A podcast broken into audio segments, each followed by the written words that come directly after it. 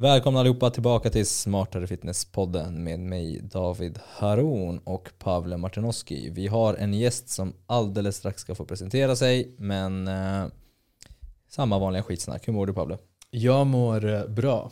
Jag mår bra. Jag har inte så mycket mer att tillägga där. Jag mår bra. Är du säker? Jag är peppad på den här podden faktiskt. Ja. Och så. ja. Och, Saker du har eh, funderat på i livet? Att jag är peppad på podden? ja. Nej, ämnet om det vi ska prata om i podden. Jag har funderat, det, det är uff, alltså det här är, jag ligger sömnlös om nätterna om det här. Men du har haft det lite så? Men, men, eh, men så här, ingen har eh, missat som har, eller det kanske är folk som bara du vet klickar på första bästa podd utan att läsa. Jag tror inte att folk är så, men om man, om man är lite vettig så tror jag att man läser innan man eh, klickar och bara det här ska jag lyssna på. Så att det här handlar ju om fibertyper och det är jag 100% säkert står i rubriken. Det är inte muskelfibrerna Ah. som du försökte prata om i form av att man äter keto och får i sig fibrer Man får i sig fibrer genom att äta muskelfibrer. Det är inte den typen av fibrer, utan, eller det är den typen av fibrer. men det är, vi ska gå in på djupet på de typerna av muskelfibrer med en expert. Och, eh, och ja, jag har legat lite sömnlös om nätterna och trott att så här, nej, men jag kan inte bygga muskler för jag har ju bara de här eh, fibertyper X, vi ska gå in på vilka de är och sådär. Och känt att så här, nej men fan det här kommer aldrig gå. Jag borde bara köra kondition för det är ju jag mest lämpad för. Hur som helst, vi, får, vi lär ju se, eller vi kanske inte ser. Vi, vi, vi får se vad den här gästen har att erbjuda. Men han har i alla Men vi har ju fall... hämtat fiberkillen. Han har, exakt, han har liksom basically skrivit the book om fibertyper. Eh, och eh, han har, eh, vi hittade honom faktiskt genom en av våra tidigare gäster eh, som tipsade om honom, Marek. Och eh, den här killen heter inte Marek. Marek, vår tidigare gäst, tipsade om Sebastian som vi välkomnar till podcaststudion. Tjena, hur mår du? Hallå, hallå.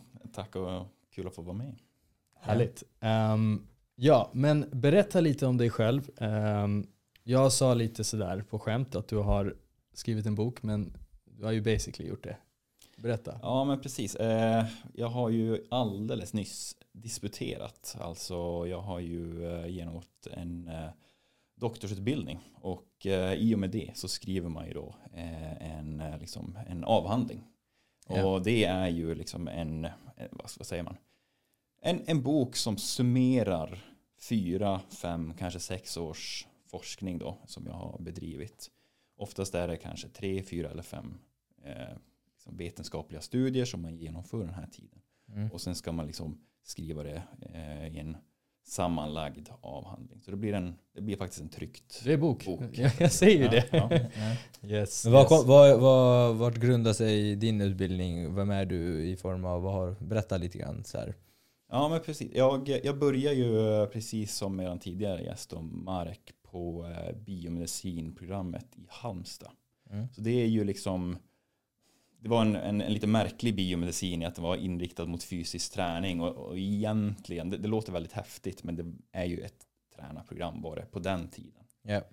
Eh, biomedicinprogrammet i Halmstad idag ser lite annorlunda ut eh, som jag ser, eller som det ser ut på, på kursnamn och Ja. allting. Så att jag tror att de fick någon skolinspektion på sig eller någonting med liksom tanke på hur, eh, vad den utstrålar med namnet och vad det faktiskt innehåller. Mm, att man får inte Men- riktigt men kalla det- biomedicin om det, om det, Det kan ha varit något sånt. Jag, jag spekulerar. Ja, men, kör, kör. men, men, men det, det var eh, väldigt my- mycket mer applied än vad namnet antyder Mm. så att säga.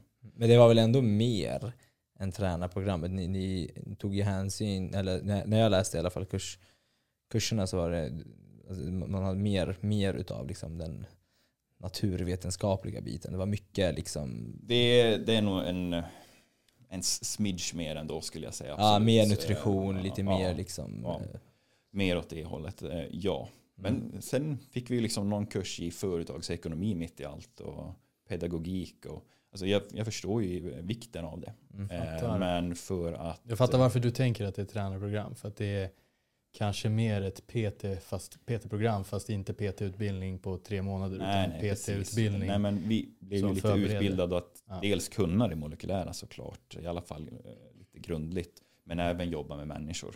Och det kanske man inte gör eh, på Biomedicin. liksom. riktig, om man säger biomedicin, även om det finns olika inriktningar på biomedicin också. Men sen valde du att gå vidare och läsa lite om fibrer. Och jag Ja, tänker så här, precis. jag tänker så här, det första vi skulle kunna prata om där att bara definiera vad fan, alltså för jag tänker så här fibrer, det är någon så här generiskt ord ändå. Så här, du ska inte koppla Mm. fiber liksom för, e, för, för, för nätet. Eh, och, det, och det är inte fibrer från grönsaker och det är inte fibrer från... Nej, nej, nej, men det är Så här, så, men vad är fibrer? Det är, det är lite förvirrat Ja. eh, faktiskt. Det förstår jag liksom med, med namnet just muskelfibrer. Men vad en muskelfiber är är egentligen en muskelcell. Mm. Eh, så det är, alltså när man tänker det så så blir det mycket lättare att förstå. Alltså vi har en, en eh, nervcell och, och vi har en, eh, ja men, en röd eller en vit blodkropp till exempel. Det är lite olika celler i kroppen. Vi har också muskelfiber, det är en annan typ av cell. Eh, Mm. Helt enkelt. Så, att, så att när man tänker så så blir det, så blir det väldigt mycket lättare. Så det är inte fibrerna vi äter. Nej, Nej, de nej. har ingenting med, med varandra att göra så. Nej. Utan eh, muskelceller. Ja. Varför har man sagt muskelfibrer? Jag tänker, en för, för jag tänker, jag tänker just faktiskt. fibrer, för det, det känns som det här trådiga. liksom. Ja, Och det, alltså det, det kanske har med det att göra Ja. då. Alltså en, en muskelfiber är generellt Vanligtvis tänker man på en cell som sfärisk, liksom. den är rund som en, som en boll i princip. Och det är ju oftast sant om man tittar på den i ett, i ett vakuum så här. Men sen har vi såklart nervceller som är superlånga, trådiga. Men även de muskelfibrerna kan ju Mm. bli jättestora. Alltså det är ju jättestora eh, celler. Mm. Eh, beroende på vart de sitter, vilken muskel de sitter i, så är de olika långa. mm. Så diametern, alltså hur eh, stor de är runt om så att säga, där är de hyfsat lika. Okej. Men längden kan ju spela jättestor roll eh, be- beroende på vilken muskel det är. Och det här är inget som man tränar sig till att de blir längre eller kortare. Utan Nej. det är bara vart de sitter. Vad är den längsta muskel Man kommer på fler muskelfibern i människa i. Eh, det är någon i, jag tror att det är, om det är så här semitendinosus eller någonting sånt. Det är någonting i, i, i lårmuskeln som är väldigt, väldigt lång som sträcker sig från knäleden ända upp till höften. Och då kan man få en muskelfiber. Jag kommer faktiskt inte ihåg vilken muskel det är. Men det är alltså en, en muskelcell som sträcker sig en, den sträckan. Ja, Det är fortfarande en enhet.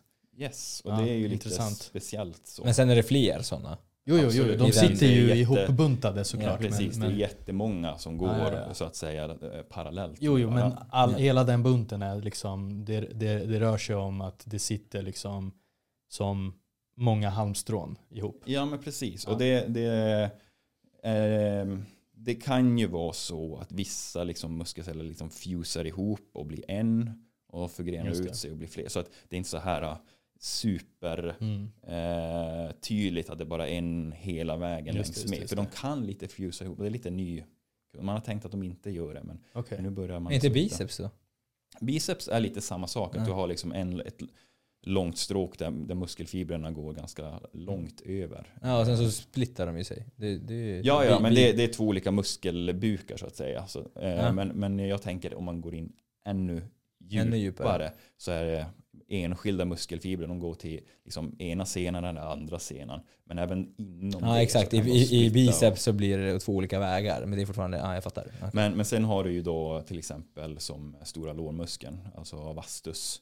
Den är ju mer fjäderformad om Mm, man tänker. exakt. Eh, och där blir ju muskelfibren, även fast muskeln är mycket längre än biceps på alltså, det. våran- Så är och armarna- fibrerna är kortare. Precis. Så att det finns lite liksom olika eh, längd. på Just det, just Jag tycker det är jävligt intressant för jag vet att jag, vet att jag också har sagt så väldigt mycket på sociala medier och så och det är väl, ah, det är väl rätt till 90% kanske men ändå inte liksom. För man har ju alltid velat, alltså om man ska prata biomekanik så har man alltid velat försöka få folk att förstå så här, ja men alltså om du vill träna övre bröst eller nedre eller så Mm. så vill du följa liksom, muskelfibrernas riktning. Eh, liksom, och det, det, det är väl rätt, rätt logiskt. Men så här, jag vet ju också att så här, fan, hur ska jag säga det här utan att förvirra nu? För Mm. det, det är ju sant, om du vill liksom vara partisk mot den muskeln du vill träna så vill du ju liksom sätta den kraften mestadels mot den. Sen så kommer du aldrig isolera den 100% men ändå. Mm. Eh, Men när det kommer till, precis som du sa, lårmusklerna.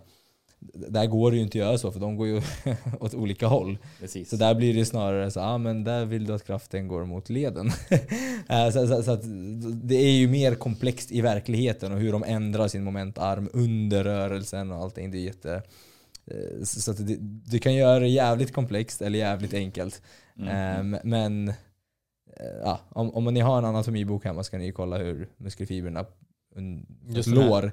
Fjäderformen. Ja, det så går ju åt alla håll liksom. Det Så går att, ju Där liksom- går det inte att liksom, ja, men då kör jag snea benspark liksom för den ska Nej, bryter precis, knäleden precis. liksom. Det, eh, Så är, så är det. Och jag- Och det är, jag är rätt så dålig på, eh, på just det här som du pratade om. Eh, träningsvinklar och den här biomekanikdelen. Det ja, det ska är väl jävligt komplext. Eh, så det har jag inte gjort så mycket av i, i min forskning just. Den, Nej, du gillar att kolla på fibrerna. Precis, jag har dykt djupare in i, i, i muskeln.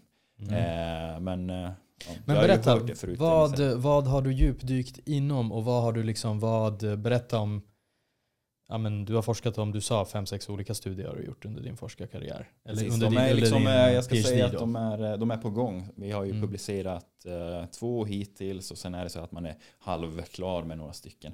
Men det, det är på gång, eh, på väg ut och rullas ut lite olika studier. Men, men vad vi har gjort egentligen är ju att eh, vi rekryterar försökspersoner. Eh, I en studie har vi haft bara eh, yngre försökspersoner eh, och i den andra studien så har vi haft yngre och äldre, alltså runt vad säger vi, 20, 30, kanske 35 år Mm. mot en, en grupp som är runt 70 år.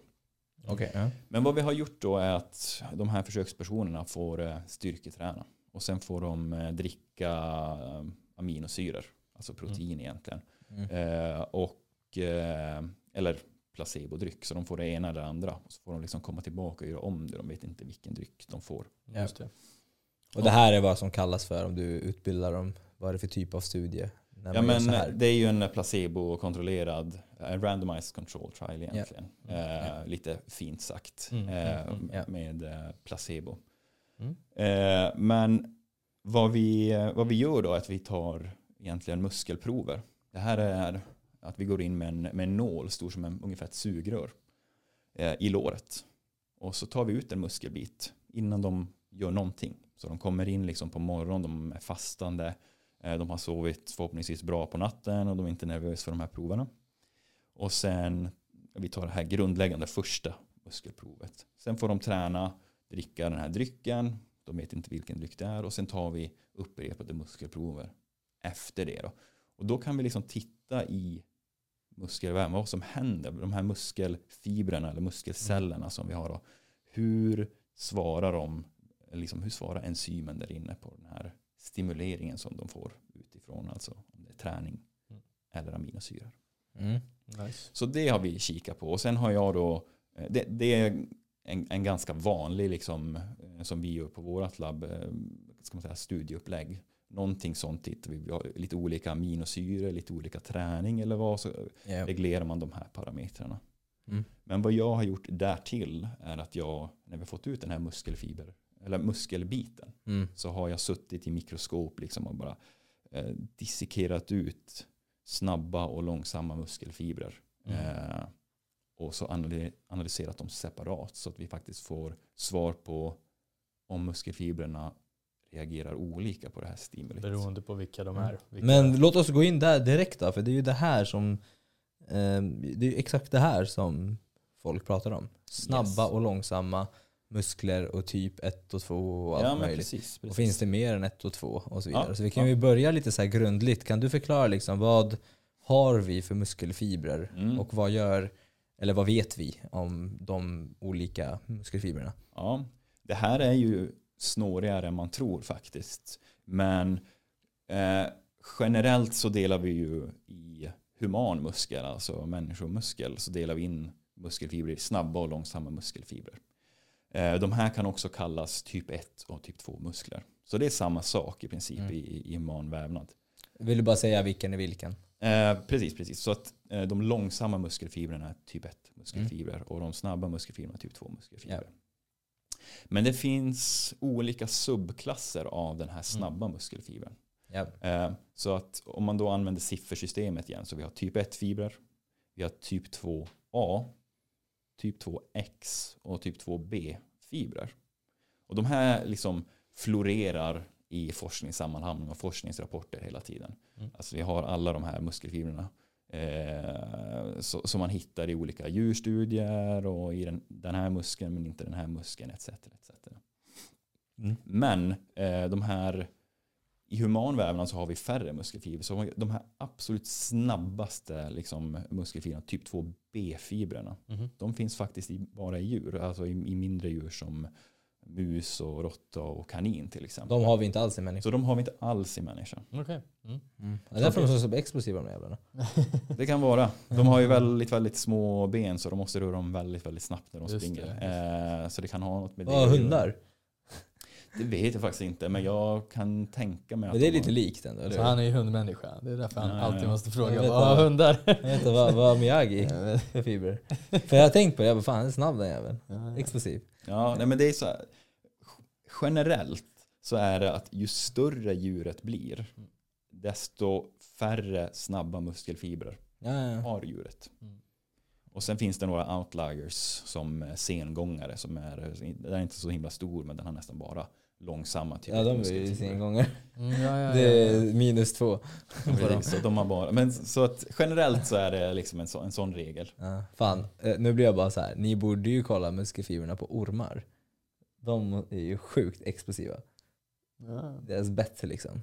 Ja, men det, det kan ju vara så att de har kanske, alltså för att eh, detsamma gäller ju så här eh, en eh, kolibri till exempel som rör vingarna jätte, jättesnabbt. De har ju någon super specialmuskelfiber som man själv hade velat ha. Där de kontraherar jättesnabbt men också är aerobt. Alltså de är, de, de är Ja, ja, de håller ju ut också. Ja, de, de kan liksom hålla igång länge men kontrahera snabbt. Det är ju liksom drömmen för en atlet. Ja, ja, snacka om ATP där. alltså.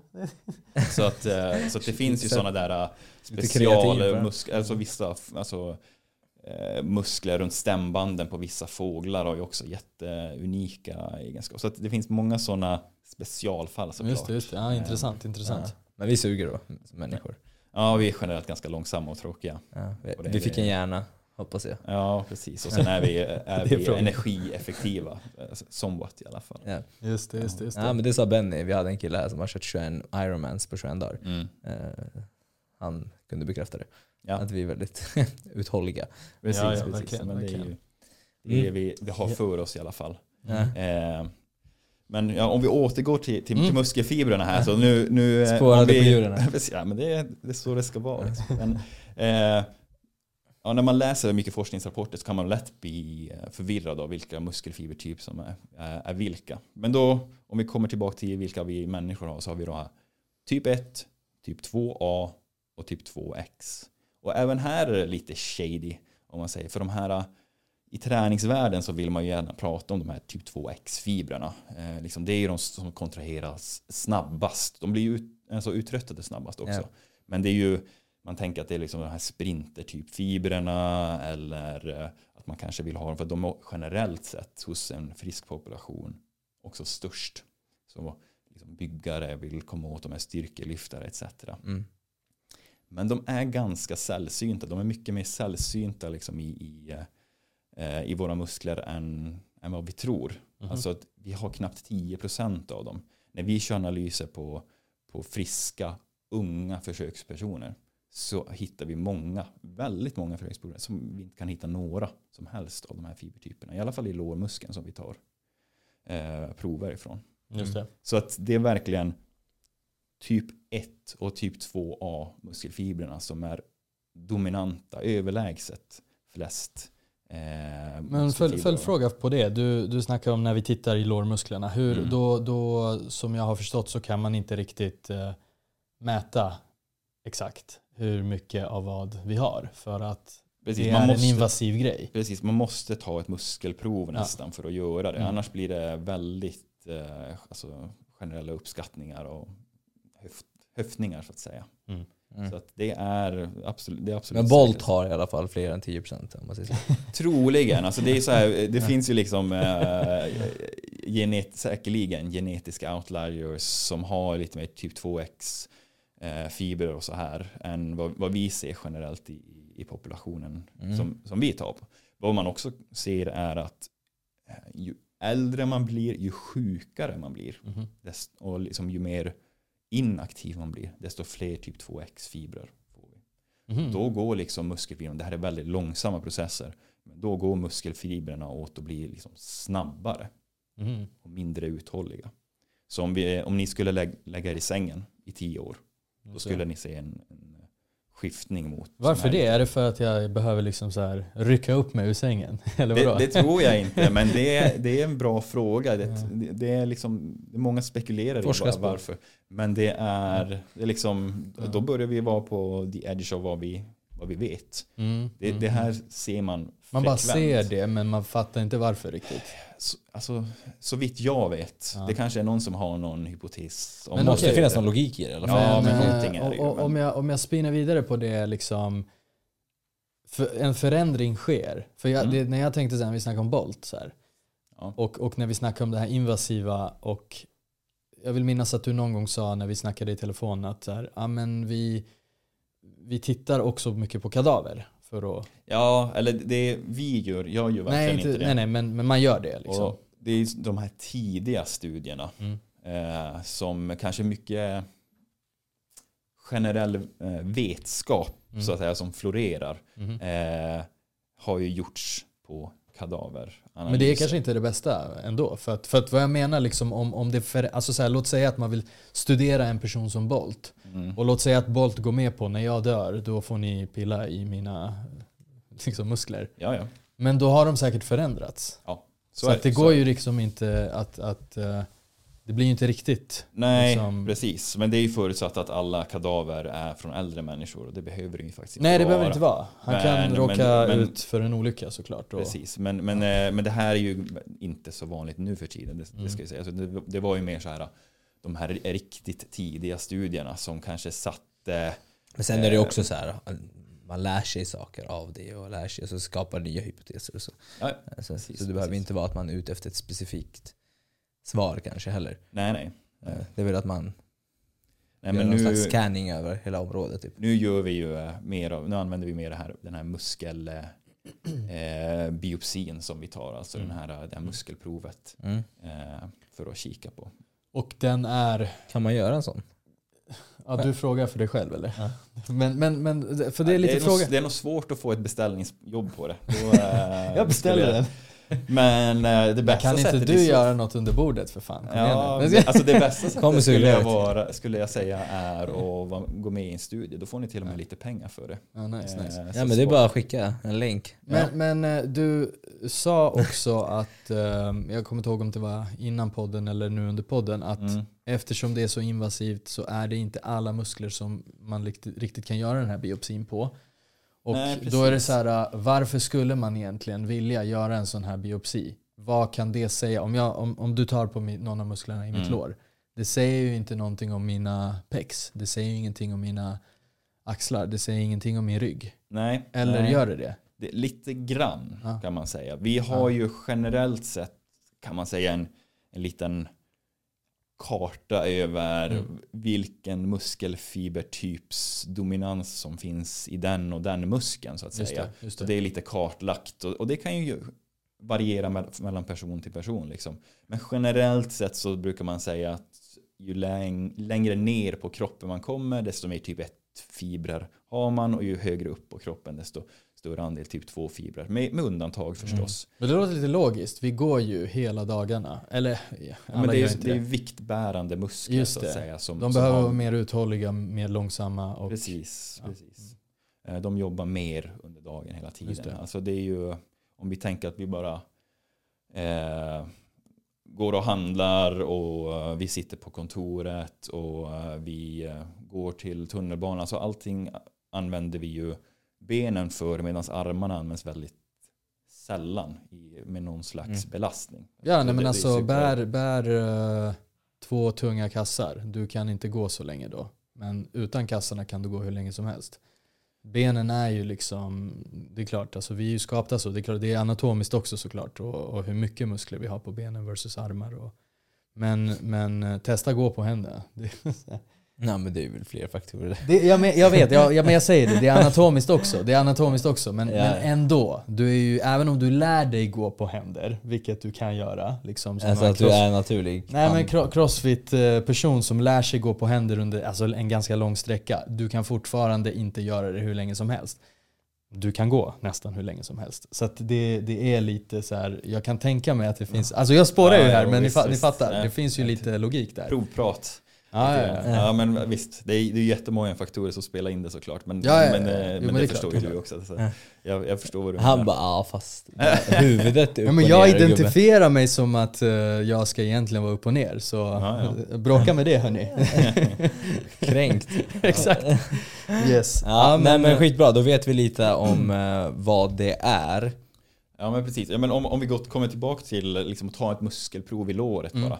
Så generellt sett ru- runt låret så har vi ungefär 50-50. Kanske 45% av de här långsamma, 55% av de här eh, snabba. Då. Och då kan man liksom bara infer, om man säger, Mm. vad, Mm. vad heter det på svenska? Ja, men anta liksom att Dra har vi, liksom. har, precis, har vi en jätteskev fördelning mot att vi har jättemycket typ 2-fibrer i låret, då är också även våra pex och axlar Mm. kanske än mer skjutna åt samma håll. Just det. Även om de från början har mer typ 2-fibrer. Så, Just det. så. Men, men det är bara generella, liksom, sett över populationen så ser det ut att vara så. Hur ser det ut rent generellt sett förutom uppifrån och ner som du sa? Mm, mm. Vad har vi för eh, avvikelser? Jag tänker så här, det första som poppar upp i mitt huvud och som är väldigt inne i just fitness och träningsvärlden Mm. det är ju eh, vader. Ja, klassiska Ja. små Vader calf och, och, syndrome och, eller och, vad- men nu på sista tiden har det också kommit eh, lats. Mhm. Väldigt Okej. mycket liksom. Eh, För att lats har ju blivit populärt att man ska ha. Mhm. Eh, och ska ju, ja men det är, Mm. det Det ska liksom, man ha. Ja men det är invisible lat syndrome heter det också. Ja, okej. Eh, att du, Mm, mm. Det är liksom lite coolt. Ja. Sådär. Så- Imaginary. Imaginary lat syndrome Så heter är det. det, just det. När man går runt så utan att ha lats. Mm, Med armarna ut. Exakt. Eh, och, och, ja, men vi, vi, vi, vi tar väl liksom topp ett. Vader. Vad har, vad har vi för eh, liksom kartläggning? Hur ser det ut generellt sett? Såklart det är jätteindividuellt men Ja men om vi tittar på, eh, vi kollar på soleus och gastrocnemius Ja. i vaden så har vi är soleus väldigt eh, typ 1 fiberdominant, långsamma muskelfibrer. ja. Och gastrocnemius är lite mer mixed. Eh, och jag är lite osäker på åt vilket håll den, den lutar faktiskt. Mm. Jag minns inte på rak arm där. Men den är, ungef- alltså den är, den är mixed i alla fall. Men det är i alla fall de här, bara för att eh, vi ska inte anta att folk kan de här coola namnen, men det är de två musklerna som är i vad? Precis, precis, och soleus är den som är lite eh, närmare benet så att säga. Just det. Eh, Och, och den är ganska stor eh, och Den sitter under. under. Och gastrocnemius är den som ger den här eh, lite formen på Bucklan vadmuskeln. liksom, ja. Precis, man får de här två Hjärtat eh, typ. muskelbukarna där på. Just det, det. Alltså det är De den som, yttre ja. precis. Eh, Mm. Men jag tror liksom volymmässigt är den lite mindre. Mm. Eh, Så. Men, men eh, det är därför vaderna inte växer. Det kan vara därför, eller så äh, tränar du dem väldigt, väldigt dåligt. Och inte tillräckligt och Nej. inte prioriterar. Men det, det är ju, alltså visst, det här, är, det här blir väldigt mycket spekulation för vi tar inte så mycket muskelbiopsier därifrån. Eh, Det går att ta, eh, men det hade varit kul med en sån studie. Ja men det finns Why någon- are your calves small? det, Kolla, alltså om ni, om ni eh, vad heter det, söker på Brad Schoenfeld en sån här Ja. muskelforskare. Han har säkert gjort någon sån studie. Det känns som att han, han grottar in sig i sådana frågor. Ja. Eh, Det är lite, så kik, kika om han har gjort något sånt. Kommer det, fram till att så här, ja men du tränar inte din idiot. Ja. Nej, men det, det kan ju vara det kan ju vara delvis muskelfiberfördelning där men generellt sett så har ju nästan alla väldigt hög typ 1 fördelning i vaderna. Så Men det finns vissa jävlar som har helt brutala vader utan att ens ha tränat vader. Och Ja. som inte är cyklister eller något sånt där heller. Nej, men så alltså, är bara sån här f- krallig jävla vad, större än låret liksom. mm, mm. Eh, Och, och det är ju genetiskt, alltså de har ju... Ja, men generellt sett också är, är man lite tyngre Mm. så har man större vader. Det är Ja. ju ett sånt syndrom, alltså eh, syndrom, symptom. Att man, eller att man liksom, har man också varit överviktig och Mm. går ner i vikt så sitter vaderna kvar där, riktiga liksom. Mm. liksom Men För de har behövt liksom jobba. Ja men de bär, de bär vikten hela dagen liksom. Så ja, att ja. det, det, det är... Nej men det är det, det, jag fattar. Och ändå liksom. är mina Ja, du tänker, men du har inte varit så stor? Alltså, Ja, men, alltså, eller så här, jag var ju rätt stor men, men inte, Ja, inte men- tillräckligt länge. Nej, inte tillräckligt länge. Jag hann inte, inte göra progressive overload. Ändå inte så extremt stor. Alltså fine, 30 kilo för mycket kanske. Men, men Ja, det, det är 40. Ja, men, ja, ja men, men det är ändå i, i en kontext när vi pratar om liksom riktigt stora människor. Ja men de kanske har varit det mycket längre, Ja, flera ja, det, år. ja men det är det, Mm. precis. Ja. Så du har inte tränat dina vader i tillräckligt lång tid? När du var Får gå upp i vikt igen. tjock? Exakt. Slipper jag träna. Ja, men det, det kan vara en, en sån grej liksom, men det kan Mm. också vara mycket saker som vi inte vet. Alltså, Många så- faktorer säkert. Precis, Alltså, men sen- Ja men är när det det så- kommer till vadmuskeln så är det också så här, precis som vi pratade om innan vi började snacka i, i podden. Mm. Just det här med fästet också, illusionen av storlek. Att vi har ju liksom, alltså jag, vet när jag kollar på min vad, alltså min vadmuskel börjar rätt högt upp. Den börjar fan här uppe. Mm. Ja, nu ser jag ingen här på kameran Nej, men det, men det, ja precis. Det fästet, spelar ju, fästet liksom. det- Sånt spelar ju jättestor roll. ja, ja, ja. Eh, Även med biceps också, liksom hur det ser ut. De, de börjar, alltså om fästet sitter högt upp eller långt ner. Så. Mm. Vissa har ju, ja, för er som lyssnar på podden och inte tittar här så kan man ju se att liksom vadmuskeln kan sitta väldigt högt upp mot hamstrings. Mm. Och vissas har mer en jämnare buk mot hälsenan. Liksom, för att ge en perspektiv om höjden på fästet. Liksom. Ja, precis. precis. Blir- Finns det någonting där då med fästet och fi- muskelfibrer? Att det korrelerar det någonting? Att har man ett högt fäste så kanske man är mer Inte så. vad jag vet. Mm, för jag tänker så att det, det känns som en sån grej. Eh, ja, det är inget jag har sett så i alla fall. Eh, och det är ju ganska... Jag, jag ska inte säga att det är svårt att göra sådana studier, men det är nog snarare så att det görs nog inte väldigt mycket sådana studier. För där Det är ingen som behöver bryr sig. det är ingen, dels är det ingen som... Alltså där, du ska ha ganska mycket finansiering, för det blir ju invasiva studier som man ska Ja. göra. Och sen är det en ganska liten... Eh, ett Blir den här podden tillräckligt bra så ska vi sponsra alla de här. Vi ska ta reda på alla de här svaren på alla. Det blir liksom Varför litet, inte mina vader? Mm, Exakt, exakt. nej, men, det- nej, men, jag- nej men jag tänkte så här, det, det låter ändå rätt så, så här, äh, fysiologiskt sett logiskt att man har mer eller mindre fibrer baserat på kanske hur fästet sitter. För det känns som att styrka, snabbhet, borde, det borde ha någonting med varandra att göra. Eller så har styrkan med de två sakerna att göra. Men att de inte nödvändigtvis har med varandra att göra. Ja, kanske. Alltså så, jag vet inte. Alltså Men allt är är ju- spekulationer såklart. det är ju eh, ett samspel mellan de här för Mm, vad ja. får ut för eh, liksom Vad resultatet i slutändan blir. Ja. Precis för individen. Alltså alltså vi kan ha... Sen är det igen säkert många andra faktorer som spelar in. Men har man liksom ett, eh, ett visst typ av fäste som sitter, om vi tar eh, då biceps som exempel, om vi har ett fäste som sitter ganska högt upp på underarmen Ja. eh, och mycket typ 2-fibrer, ja, då har vi potentiellt sett en ganska stark liksom, biceps vi kan boxera mycket vikt. Mm. Men har vi samma typ 2-fibrer som både är starka och kontraherar snabbt och sen sitter muskelfästet mycket närmre armbågsleden. Då helt plötsligt så kan vi istället generera mycket snabbare hastigheter när vi rör oss. Så det blir Mm. alltid ett samspel mellan de här. Och det är därför det är också jätte, jättesvårt att kika på bara muskelfibertyper och säga att ja, men du borde vara snabb. För då kanske du har de här snabba muskelfibrerna men helt bedrövliga liksom, fästen. Ja, och sen Förra- benen och längderna där. Och, Allt sånt. Precis. det, blir, det blir väldigt Så det komplext när är man tittar en på allt. del i kakan, absolut. Mm. Men man måste få in liksom hela helheten där. Mm. Och då blir det väldigt, väldigt svårt.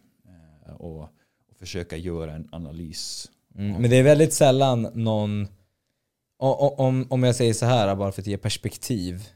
Om någon är mer eller mindre dominant Mm. Av det ena eller det andra, vad pratar vi om i för skillnader? För jag tänker så här, Mm, ja, det, jag tänker så här, när folk skyller lite grann på sin ämnesomsättning så är det så här, ja, så mycket är det inte liksom. Nej. Eh, eh, Nej, exakt, exakt. Alltså så här, det är så här, Kanske lite likadant här. jag, eller? jag, jag tänker så här, så mycket är det inte. Och då, och, och då blir det så här, alltså, det kanske snarare handlar om att du har en genetik för att du tycker att det, att, att, att, det är jobbigt att du ligger i ett kaloriunderskott för att du har mycket hunger och motarbetning. Snarare det än att din ämnesomsättning är kraschad. Det är liksom lite bullshit. Vi pratar om någon 100-200 kalorier. Liksom. Ja, Eh, ja. Men när vi pratar muskelfibrer, vad pratar vi om för fördelningsskillnader i de extrema fallen? ja, men om vi, om vi tittar på uh, lårmuskeln. För här kan du ju passa på att såga mina vader nu. Ja, men, nej, men så här, om vi tittar på, på eh, mm, eh, lårmuskeln och som generellt sett är ganska nära eh, 50-50 och där har vi alltså absolut mest data ifrån liksom, sett till hela forskningssamhället. Eh, så ofta så tenderar det att, variera mellan 60-40 och 40-60 åt något håll liksom, så Ja. ligger de flesta människor i det spannet. Och sen finns det några outliers åt ena hållet som har eh, supermycket typ 2 fibrer, men då kanske vi snackar upp mot 70 eller 80 procent. Mm. Men Och där sen- tänker jag, där, där börjar vi prata att det börjar bli jobbigt för någon jävel att bygga eller inte bygga. Eh, Det kan vara så, men, men sen ska man säga att ofta så tar man en, ett muskelprov. Det är liksom ett... Eh, Mm. det, Stickprov. det, ja, det, den är stor som en liksom, eh, lillfingernagel ungefär. Mm. Som ett, ja, ett stickprov. Och så analyserar man den och där kan man ju också bara ha lite otur att man har fått mer av den ena eller den andra muskelfibern i det. Så det finns en liksom naturlig variation i de här analyserna också.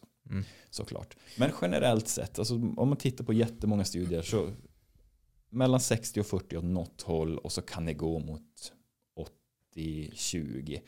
Men det Det är, ju väl, det är normalt fördelat om man säger. De allra flesta människor ligger ju där runt Mm. 60-40 åt något håll, 50-50 Just det. och sen ebbar ut. Men till, till, till nästa då, liksom följdfrågan blir ju, vi har ju då konstaterat kanske, eller jag vet inte om vi har sagt det explicit i podden, men att den ena eh, har, har, kan, kan lättare hypertrofera, Mm. eller? Och den andra har svårare, men båda kan ändå bli större. ja, Så att precis. apropå det här att det är större skillnader och ja, du har lite mer långsamma Mm, mm. ehm, muskler och oj, du har lite svårare att bygga. Det betyder ändå inte att det är omöjligt. Så att du kanske bara behöver, jag känner så här, mina bröst är lite för små tycker jag. Men Mm. jag kanske bara behöver stimulera dem bättre. Alltså det, det är säkert många faktorer. Ja, jag kanske har precis. anatomin som gör att det är svårare att få kontakt och liksom få musklerna att jobba lika bra som kanske på David. Men det är många faktorer, men det betyder inte att det är omöjligt ändå. Det, Nej, nej. Eh, och och så, så är det ju att eh, det är som ni säger, generellt sett är typ 2 muskelfibrerna större. De liksom Ja. svarar eventuellt lite bättre på tung styrketräning kontra typ 1-fibrerna. Alltså så att de växer lite, säg lite större eh, i sådana atleter som lyfter tungt väldigt Mm. ofta. Mm. Men man ser liksom en hypertrofi, alltså en muskeltillväxt i båda fibertyperna.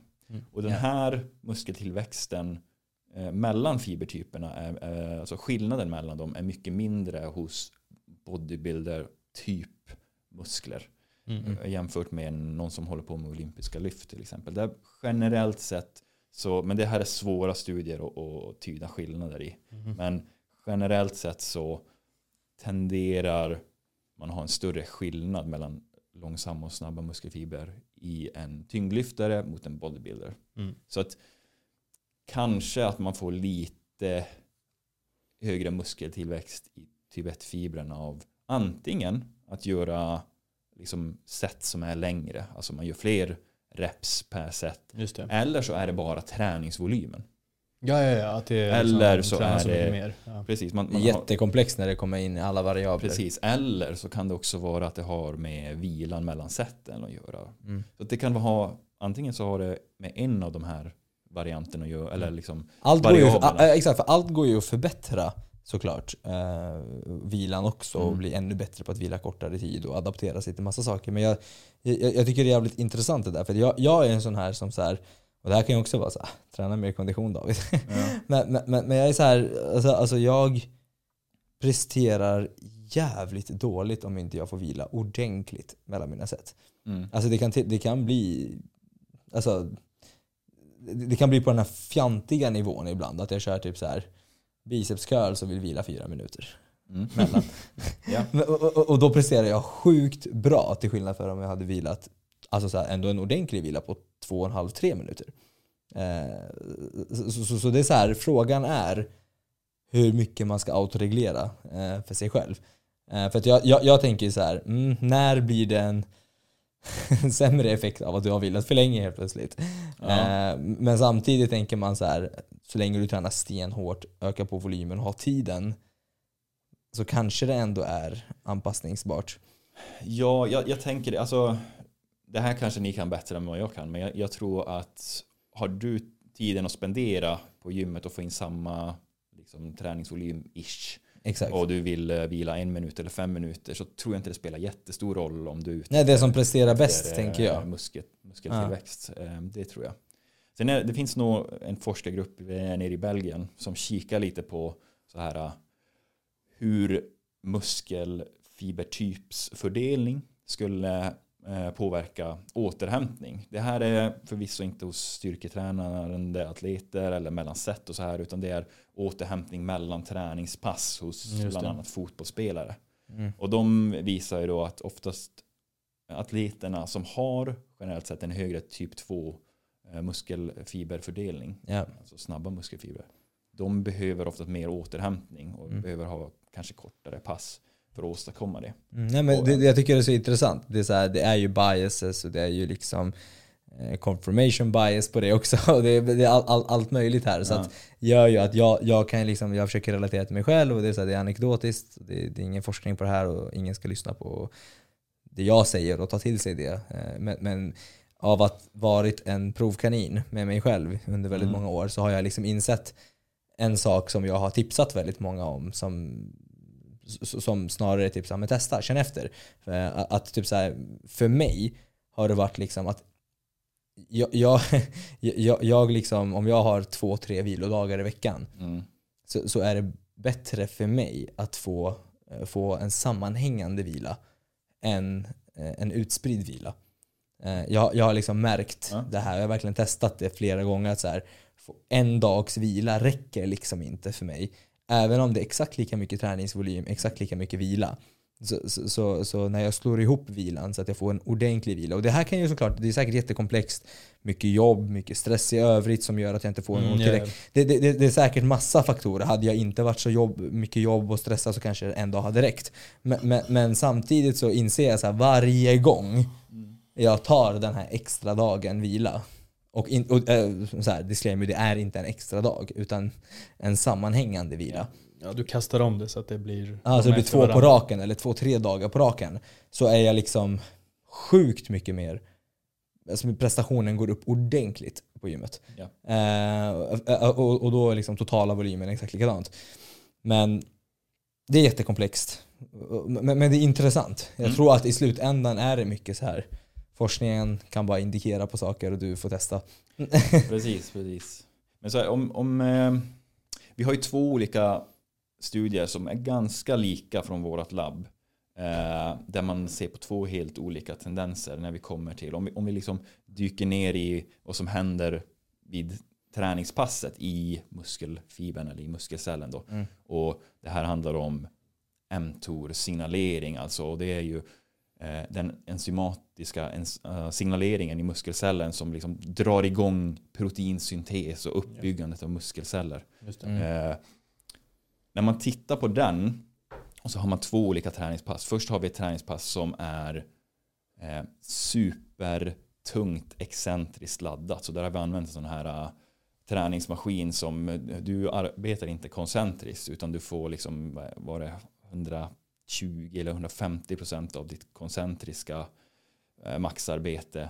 Eh, Excentriskt. För, för er som undrar, det är när man håller emot på Yes. vägen ner. precis, Det är den precis. excentriska fasen. Liksom. Ja. Är Så en den är lättare i kontraktionen och sen när, när, du, när du ska hålla tillbaka då är det extremt mycket tyngre. Precis, precis. Ja, så ja, att de fick liksom till och med, jag tror inte de ens gjorde något arbete här Mm.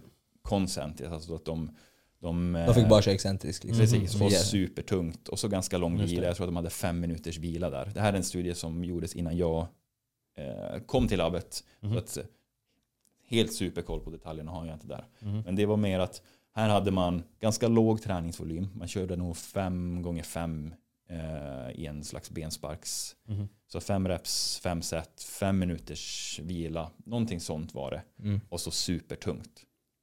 Och när vi tittar på den här eh, proteinsignaleringen, alltså M2-signalering i muskelfibertyperna specifikt, så ser vi att det är nästan bara de här snabba muskelfibrerna som har dragit igång M2-signaleringen där. Mm. Mm. Men sen om man jämför med ett träningspass där vi har kört 10 gånger 10 i benpress Mm. Med tre minuters vila och alla sätter till fail. Alltså det är så, så här ska man inte träna. Nej det här nej, är, men det här för, är- för det här är- kontext, det är, liksom, det är brutalt. Det är brutalt träningspass. Just det. Det är ett helvete. Då- Tio för fan vad jobbigt. Jag körde tre idag. Så det är, det är liksom 10 till fail. Ja. Så att eh, är när, man, när man alltså. failar eh, ett set, alltså eh, man kanske bara orkar nio reps eller någonting. Ja, då vilar man två, tre minuter. Så tar vi av lite mycket. vikt. Precis, det händer inte mycket. Tar vi av vikt och så kör de igen. Till fail, till Mm. fail, till fail. Till. Alltså det, det är Mm. riktigt jobbiga pass. Eh, det är bara för att vi vill ha maxstimulering där. Och när man tittar på muskelfibertyperna då, då helt plötsligt så är det nästan en tendens att eh, de långsamma muskelfibrerna har Mhm. en lite högre liksom, eh, proteinsignalering där. Båda har jättehög proteinsignalering, Mm. så långsamma och eh, snabba muskelfibrer. Men där har helt plötsligt de långsamma muskelfibrerna kommit ikapp och kanske till och med förbi. Eh, vilket skulle indikera att proteinsyntesen eventuellt drar igång lite högre i typ 1-fibern av den här träningen. Och då har vi de här två kontrasterna. Ja, för där, där får ju de jobba mer uthålligt liksom. Precis, och då, då kan Mm. man ju spekulera i, det, här får man ju helt plötsligt börja spekulera, ja, men vad, vad är skillnaden mellan, mellan det, det första studien som vi gjorde när vi bara fick aktivering i typ två fibrerna och den andra studien som vi gjorde där vi fick aktivering av båda fibertyperna. Och där har vi ju, Alla kör nu Jätte- 10 gånger 10 på allt. ja men där har vi jättemånga Gör fan inte det så. faktorer som skiljer såklart när man tittar på, Mm. på träningsvariabler. Ja. Dels vilade de längre. Dels hade varje set så att säga, de hade ju lägre träningsvolym så de gick inte till fail i varje. De tränar ju supertungt med den här excentriska träningen i första studien. Men det är ju fortfarande inte lika Mm. exhaustive som eh, Nej, nej, nej, precis, precis. Det- ja, det exakt. De gick variabel. inte till failure, exakt, heller. Nej, det var precis. bara liksom förutbestämt, så här många ska du hålla emot. precis, precis. Eh, Ja, så, ja. så att där har vi liksom, och sen har vi träning, total träningsvolym skiljer ju. Så att någonting mellan de här passen är annorlunda. Mm. eh, som driver den här skillnaden. Eventuellt. Det här är ju bara två studier också så det kan ju vara att eh, vi har fått något eh, Weissing-resultat någonstans Mm. och det här inte alls stämmer. Mm. Det är ju en, en del av forskningen. Men om vi utgår från att det stämmer Mm. då finns det någon skillnad här men vi vet inte vilken Mm, variabel det, som styr det. Det, det, det är bästa alla. man kan säga just nu är ju variation. Att man har någon typ av variation. Ja, eh, precis. Och, och sen så Eller att det man inte bara gör ettor. Liksom. Inte Nej, men bara precis. kör tolvor. Liksom. Men, det, men det, det är ju förutsatt då att du, eh, vad ska man säga, bara vill bygga muskler. Mm. Alltså, det, kan ju, det kan ju vara så här att eh, vi har en eh, styrkelyftare. ja, Som, men de in- här. Ja, men som, som kanske liksom inte, som vill bli stark. Ja. Eh, men inte kanske lägga på sig så mycket muskelmassa Exakt. heller för att det är Mm, ju viktklasser där. Mm. Då är plötsligt så kanske man inte vill ha så mycket hypertrofi i de här långsamma musklerna. Men det är också Kanske- svårt att undvika. Vad fan. Det, Ja, det, det, det går ju lite så hand i hand, även fast de är är- olika spår. Det här är ju otroligt, för även från min sida nu, Ja. otroligt spekulativt. Det här är inget som vi har bevisat att det är så här. Det är, är bara, den här datorn har vi och den här datorn har vi. Just Det det. här kanske skulle kunna förklara Ja. skillnaderna i vad vi ser. Och, och, och å andra sidan så är det så här, den, en, för, den enklaste förklaringen för en person som inte orkar sätta sig in i allting, så ä, även fast det är en sanning med modifikation, så är ju den absolut enklaste förklaringen för en människa som vill bygga muskler och inte pallar tänka så mycket att bara bli bara starkare. Så kommer du bygga muskler. Ja, ja. Eh, så här, Visst. och, och, även om det inte är kanske den 100% rätta vägen, eller 100% sanning och det behöver inte vara så i alla fall och bla bla. Så kommer ju Ja, om du ger den personen ett tips. Jag vill bygga muskler. Det bästa starkare. tipset är bli starkare. För, för att det kommer typ på något tid. sätt få in progressive overload. Det kommer ändå på något Ja, sätt få in ta i. Det kommer ändå eh, på något sätt få in du behöver Ja, återhämta dig. Det, det, det är så mycket som kommer in i Ja. bli starkare. Gratis. Mm. Sen Ja, behöver det absolut. inte vara så, men eller så här, det behöver inte vara så att det är den hundraprocentigaste vägen. Men jag menar bara att så här, tittar vi på person om, vi tar en person och jämför den personen med, med samma, exakt samma person då. När den personen knäböjer 200 kilo kontra 80 kilo så har den förmodligen större ben. Eh, liksom. Ja, ja. Oavsett om den inte hade behövt komma upp till 200 i böj. Nej, nej, så är det. Så, så kommer det ändå vara så här bli bättre.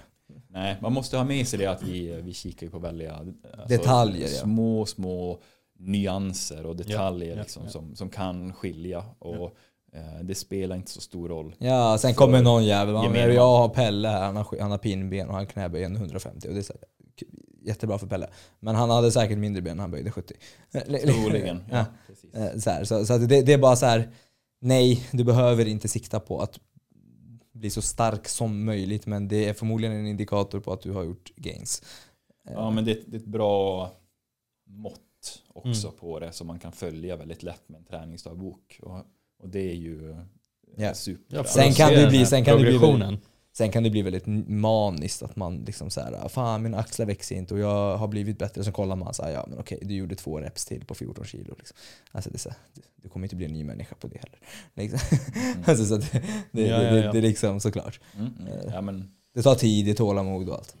Eh, absolut. Mm. Men eh, Mm. vad har vi för roliga frågor då? Om just fiber. Nu har vi ändå liksom fattat lite grann. om- Ja men verkligen, och, och kanske det, det viktigaste att förstå och som vi redan har sagt men att tuta in det lite mer, liksom det här att ja du kan vara lite annorlunda från någon annan som har mycket mycket mer snabba muskelfibrer och har lättare Mm. att bygga men eh, du kan bygga muskler, alla muskler växer. Eh, Det är bara det är acceptera väldigt lite grann. viktigt att ta med sig. Och, och, och att liksom, du behöver inte träna annorlunda heller. Nej, jag skulle säga att det är fel ändå att börja dra i och försöka ta reda på sin muskelfibertyp. Som inte, det är ju supersvårt att göra. För Mm. det finns inte... Det är bara spekulation. Precis, det finns inget så här hoppa, hoppa eh, en meter och 20 centimeter på ett ben liksom framåt och klarar du det så har du snabba muskelfibrer.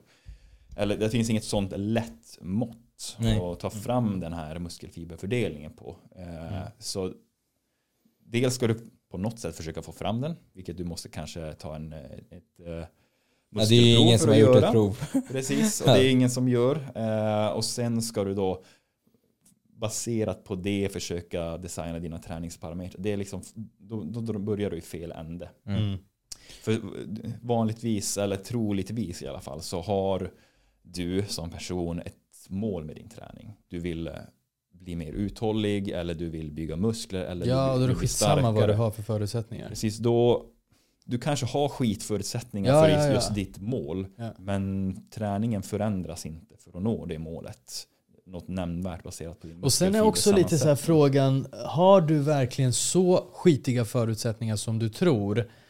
Eller har du bara lite, min, lite sämre förutsättningar än, än någon annan? Alltså så det, det tänker jag alltid på saker som, det jag tänker mina svaga, svaga punkter. Typ. Och då framförallt då kanske när det kommer till muskelbygge. Och då är det så här, ja men okej men liksom jag, eh, jag liksom tycker att eh, mina bröst borde kunna vara lite större för då kommer jag vara lite mer proportionerlig och då tänker jag så här, ja men då har jag ju sämre förutsättningar. Men det är så här, har jag verkligen det? Men varje gång jag kommer på mig själv så har jag liksom ändå tränat bröst sämst av allt. Och det kan ha att göra med att jag tycker det är roligare att träna ben för att jag har bättre förutsättningar att träna ben. Så vad som är vad, det blir lite Man så här, drar ju sig oftast till igen. det man är... Det är som, Ja, du blir inte jo. lång av att spela basket. Nej du, men, men, men du spelar precis. förmodligen basket för att du är men, bra men på det det. är lite Ja. så här, ja och so what någonstans. Nu har jag bestämt mig att jag vill bygga bröst. Då finns det ingen annan, eh, det är så här, okej men då är det bara av med offerkoftan tänker jag, som, som gäller. Ja, men lite grann. Men sam, samtidigt, jag vill att alla ska ha med sig att den här, nu har jag forskat mycket på fibertypen, så det är det jag kan.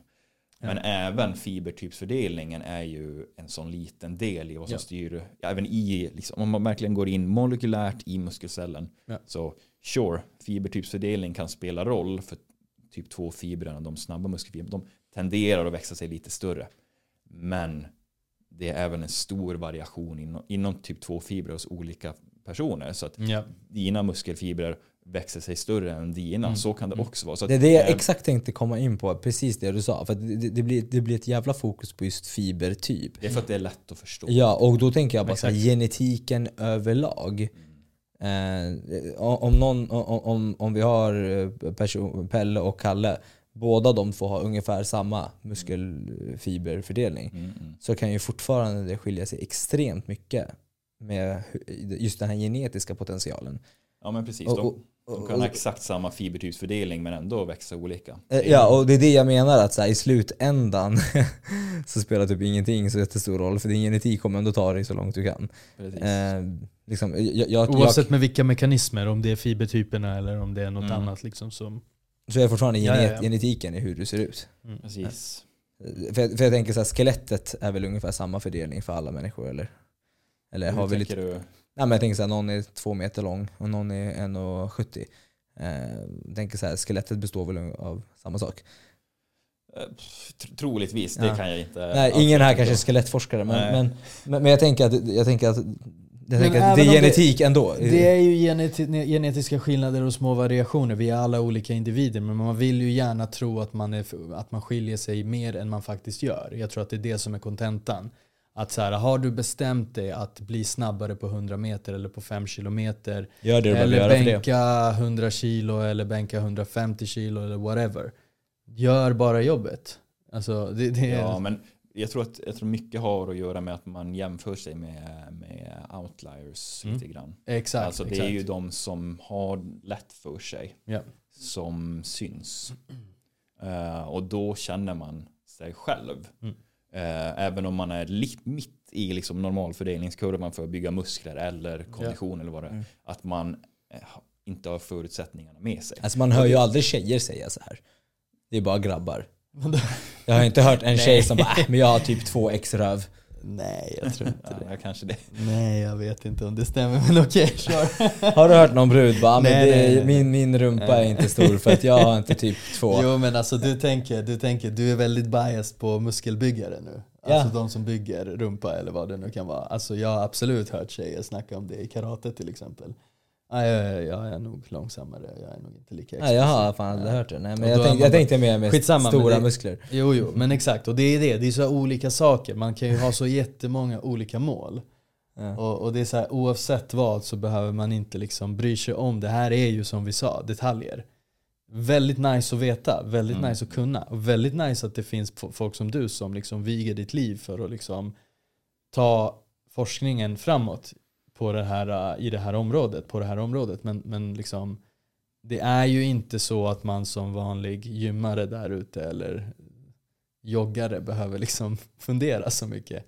Nej, nej så är det. Just nu i alla fall. Av det vi vet just nu så finns det inte riktigt något Nej träningsupplägg. men alltså så här, det, det, det är knappt så att kanske det är knappt så att kanske elitidrottare behöver tänka på det.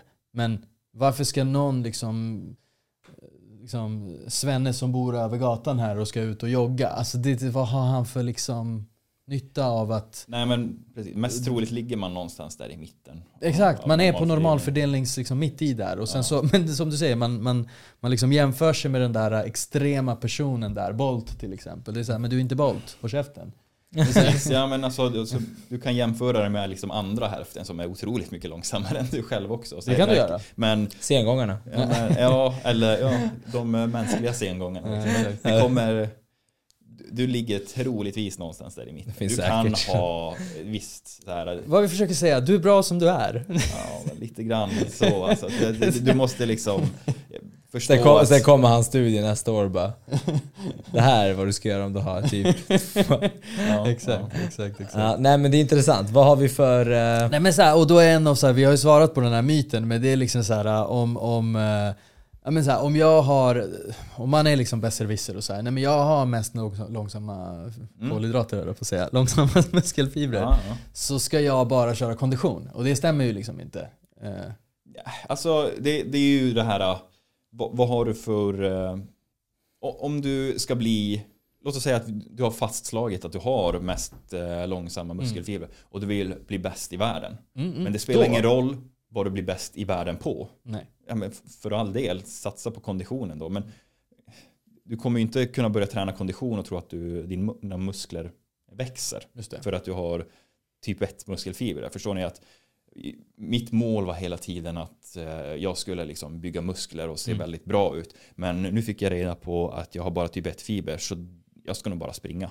Ah, Du kommer ju inte komma närmare ditt mål att liksom bygga, bygga muskler. nej, du bygger ju fortfarande av att styrketräna liksom. Precis, så det, blir, Nej. det är samma recept men du har lite sämre förutsättningar. Men alltså är, är ditt enda mål att försöka bli bäst i världen på något så ja, men kanske. Men där igen muskelfiberfördelningen är bara en, en liten, liten del av kakan. Just det. Men troligtvis om du bara har 100% typ 1 fibrer så nej, du kommer nog ha jättesvårt att bygga muskler. Mm. Men eh, alltså, alltså i, i samma utsträckning som, Mm. Mm. som någon som har mycket typ 2 fibrer. Du kommer fortfarande bygga muskler men eh, ja, det beror mer på vad dina mål är Mm. än, än hur du ska träna. Hur, hur kommer det Eller- sig att så här, genetiken, jag tycker så här, det här är en idiotisk fråga egentligen men jag tänker så här, äh, varför inte? Hur, hur, hur kommer det sig att någon genetiskt sett har så mycket lättare för att få stora men, biceps eller triceps eller vader eller bröst? Även fast eh, fästet och allt inte är, skiljer sig och även fast liksom det, det är inte så stor skillnad. Ja, men ta till exempel eh, om, om du och dina bröst, du, du tycker ju att de går långsamt. Liksom. Eh, och, och då är det så här, De går långsamt. eh, vad, vad, vad är det som händer, vad, vad- vad är det som motverkar just det för honom till skillnad från hans lår? Var, alltså, vet man någonting om det här genetikgrejen? Alltså vet man så här, varför de inte Det, är, poppar? det vågar jag inte riktigt eh, svara på men det, kan- alltså det kan ju vara att vissa genetiska förutsättningar som du har eh, gör det svårare för dig att träna Mm. dina pecs för att du har bara en jätteöverutvecklad triceps som tar över stor del av rörelsen. Mm. Det kan vara en sån det. om man säger simpel grej. Eller så Mm. kan det vara att du har på de här, det här tror jag kanske inte är fallet, men det skulle kunna vara att ja, men du har lite fler eller färre androgenreceptorer på, Ja. på den här Ja, det är så delen. många grejer som genererar Ja, hypertrofi. Alltså, Ja. precis, alltså, som kan. Bidra, så det är Ja. jättesvårt att svara på. Eh, Så det blir bara snillen Ja, för min, min anekdotiska grej här också är ju att jag tycker ju att alla som har skitstora axlar och armar har små bröst. Eller har lätt för axlar och armar. Eh, och, och, Det är ju det där att de tar över. Ja, att de tar över, exakt. Och, och de som har stora bröst brukar oftast inte ha sjukt stora axlar. Alltså det, det är någonting där som jag liksom bara har... Eh, När det är så så är det ju troligtvis Ja, en och- och då jämför jag inte- tränings- eh, rörelsegrej. liksom. Exakt, och då jämför inte jag mig med hela... Jag har inte gjort en studie på det här, utan det, det är liksom bara... ja, men om, jag, om jag kollar på typ så här. Ja men på dig, du har ändå rätt så bra axlar men inte Mm, lika bra jämfört bröst. med- ja, jag tycker att jag har bra Mm. bröst men inte så stora axlar. Min bror är likadan, han har liksom Mm. rätt platta bröst men väldigt stora axlar. Mm. Eh, Men det kan finnas något Och, där. och, då, då, då tänker jag så här, frågan är om inte det bara måste lära sig träna brösten bättre. Mm, exakt. Eller axlarna bättre. Ja, eller sätta liksom. brösten i liksom biomekanisk fördel. Att liksom, Det är nog Ja. vä- väldigt mycket Mm. så eh, när man kommer till att vissa eh, muskelgrupper är- har, har man, liksom svårt att, att få växa. Eh, mer än att det är någon skev fördelning just där. Eller något annat molekylärt. Det kan vara så givetvis. Men troligtvis är det hur du tränar och är, är Mm. byggd. Och, eh, bara för att koppla tillbaka till det här med, med latsen. Mm. De är på tapeten. Alltså, titta hur folk drar i en latsdrag liksom. Mm. Det, det ser oftast inte jättevackert ut. De aktiverar. Det, gemene man Nej. har väl nog väldigt svårt att aktivera latsen i latsdrag. Det, Ja, ja, ja. det är ner med, med stången. Nej men det är de eh, populära på. På snabbast möjliga det, sätt. just eller just bäst. Det har ju kommit nu, det finns ju nya lat pulldowns nu. 120 grader i axelleden. Ja, nej, men det är ju mer att så här, det är någon som bara försöker få svung i, i liksom snöret genom att luta sig bak. Alltså, Ja, ja, ja. Det, är, det är så folk tränar lats liksom. Folk, folk Eh, suger på att träna generellt sett. Och det är en oh ganska ja. svår övning att få rätt då. Tänker jag mig. Nu, Mm. nu har jag Nej, men inte det jobbat blir med lätt, folk det på blir väldigt lätt lång tid. teres, det blir lätt övre rygg liksom. En övre Ja, ryggövning. precis. Eller bara eh, En sving. Liksom, svinga med, ja, ja, ja, biceps. med höften till och med. Liksom, att man bara ja, försöker ja. få... E- Får Erektör. höften jobba liksom lite grann. det är ländryggen som jobbar. Ja men exakt. Det, du behöver ju luta dig Ja, bakåt jag tänker att det, det är närmare den förklaringen Ah, ja. än mina Ja, har du tagit dina lats nära failure ens? Typ.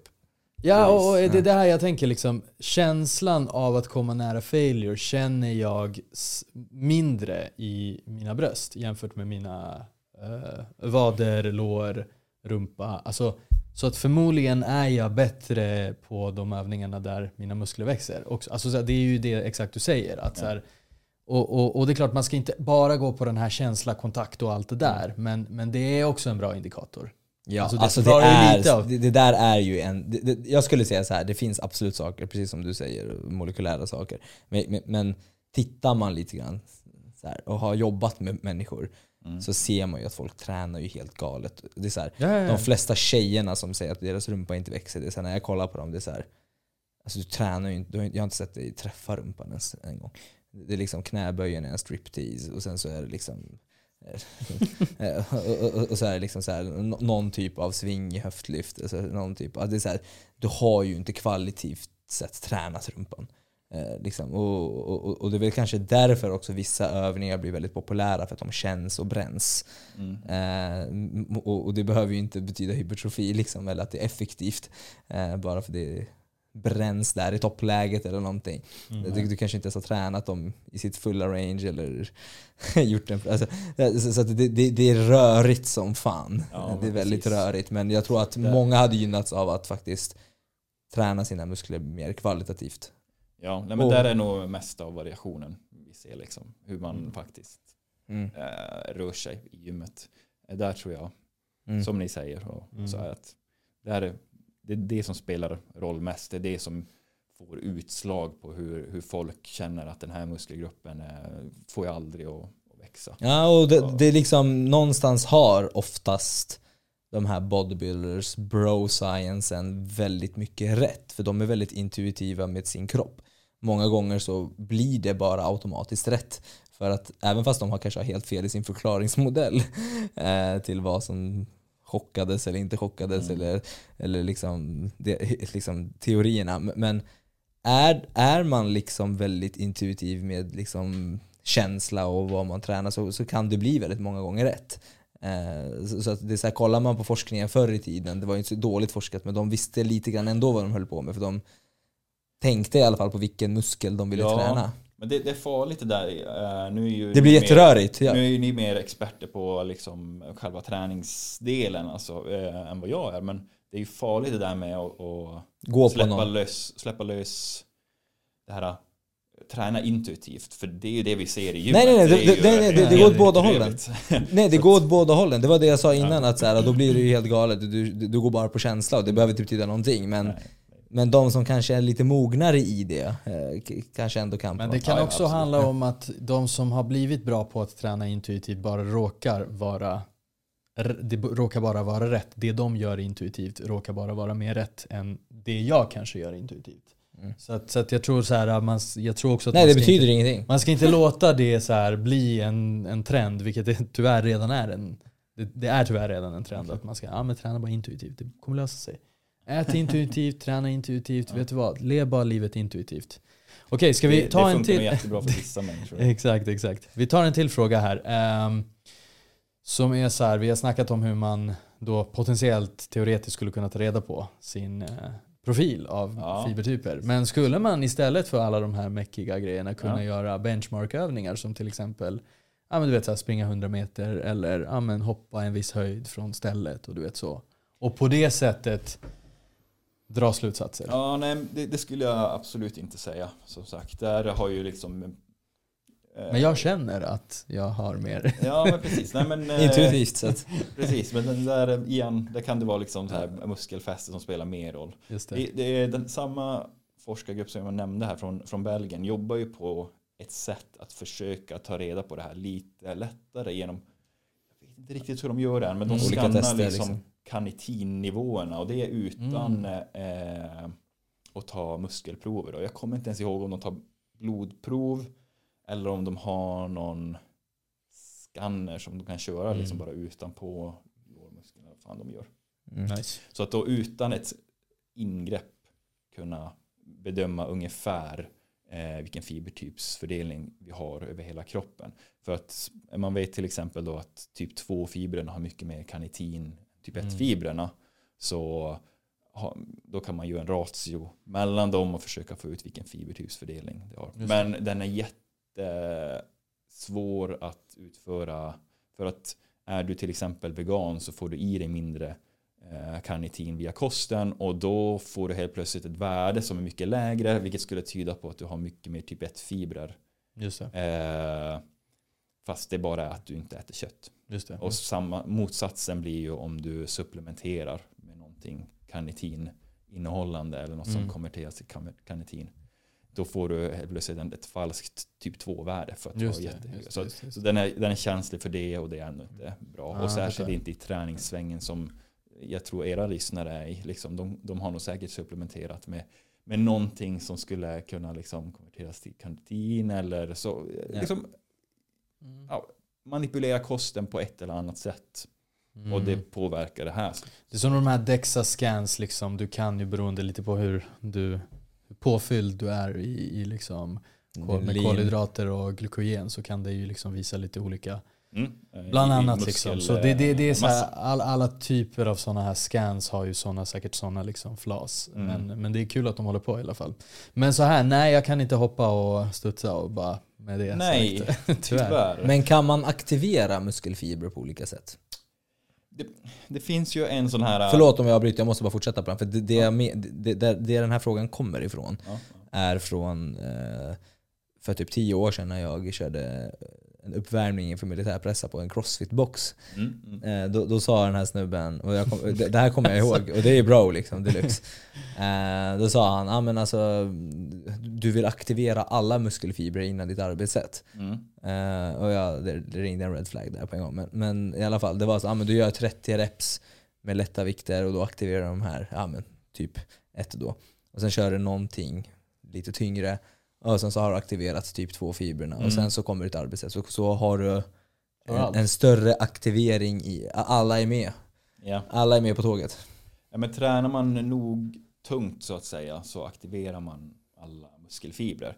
Det är ju eh, det är en sån här som man kallar det i, i våran värld size principle där man eh, då börjar aktivera de små motorenheterna som är då oftast kopplat till de små fibrerna som då oftast är de här tibetfibrerna. Ja. De aktiveras först när man börjar Och när man Träna. kommer närmare failure så liksom. Ja, men lite så. Men om man tänker kanske mm, mer intensitetsmässigt. Okej, så ja. här att eh, vid, vid lägre vikter, när man, om jag gör eh, 10 reps med en jättelätt vikt som jag kan göra 50 reps på, ja, då har du Mm. bara aktiverat typ ett fibrer. Men gör du 10 reps med en vikt som jag gör eh, 10, 15 eller 20 reps på, ja då måste du rekrytera typ två fibrerna också Just det. för att utföra samma Mm. movement. Och den, vart den gränsen går, det är jättesvårt att säga. Mm. För det kan man inte jättelätt ta reda på.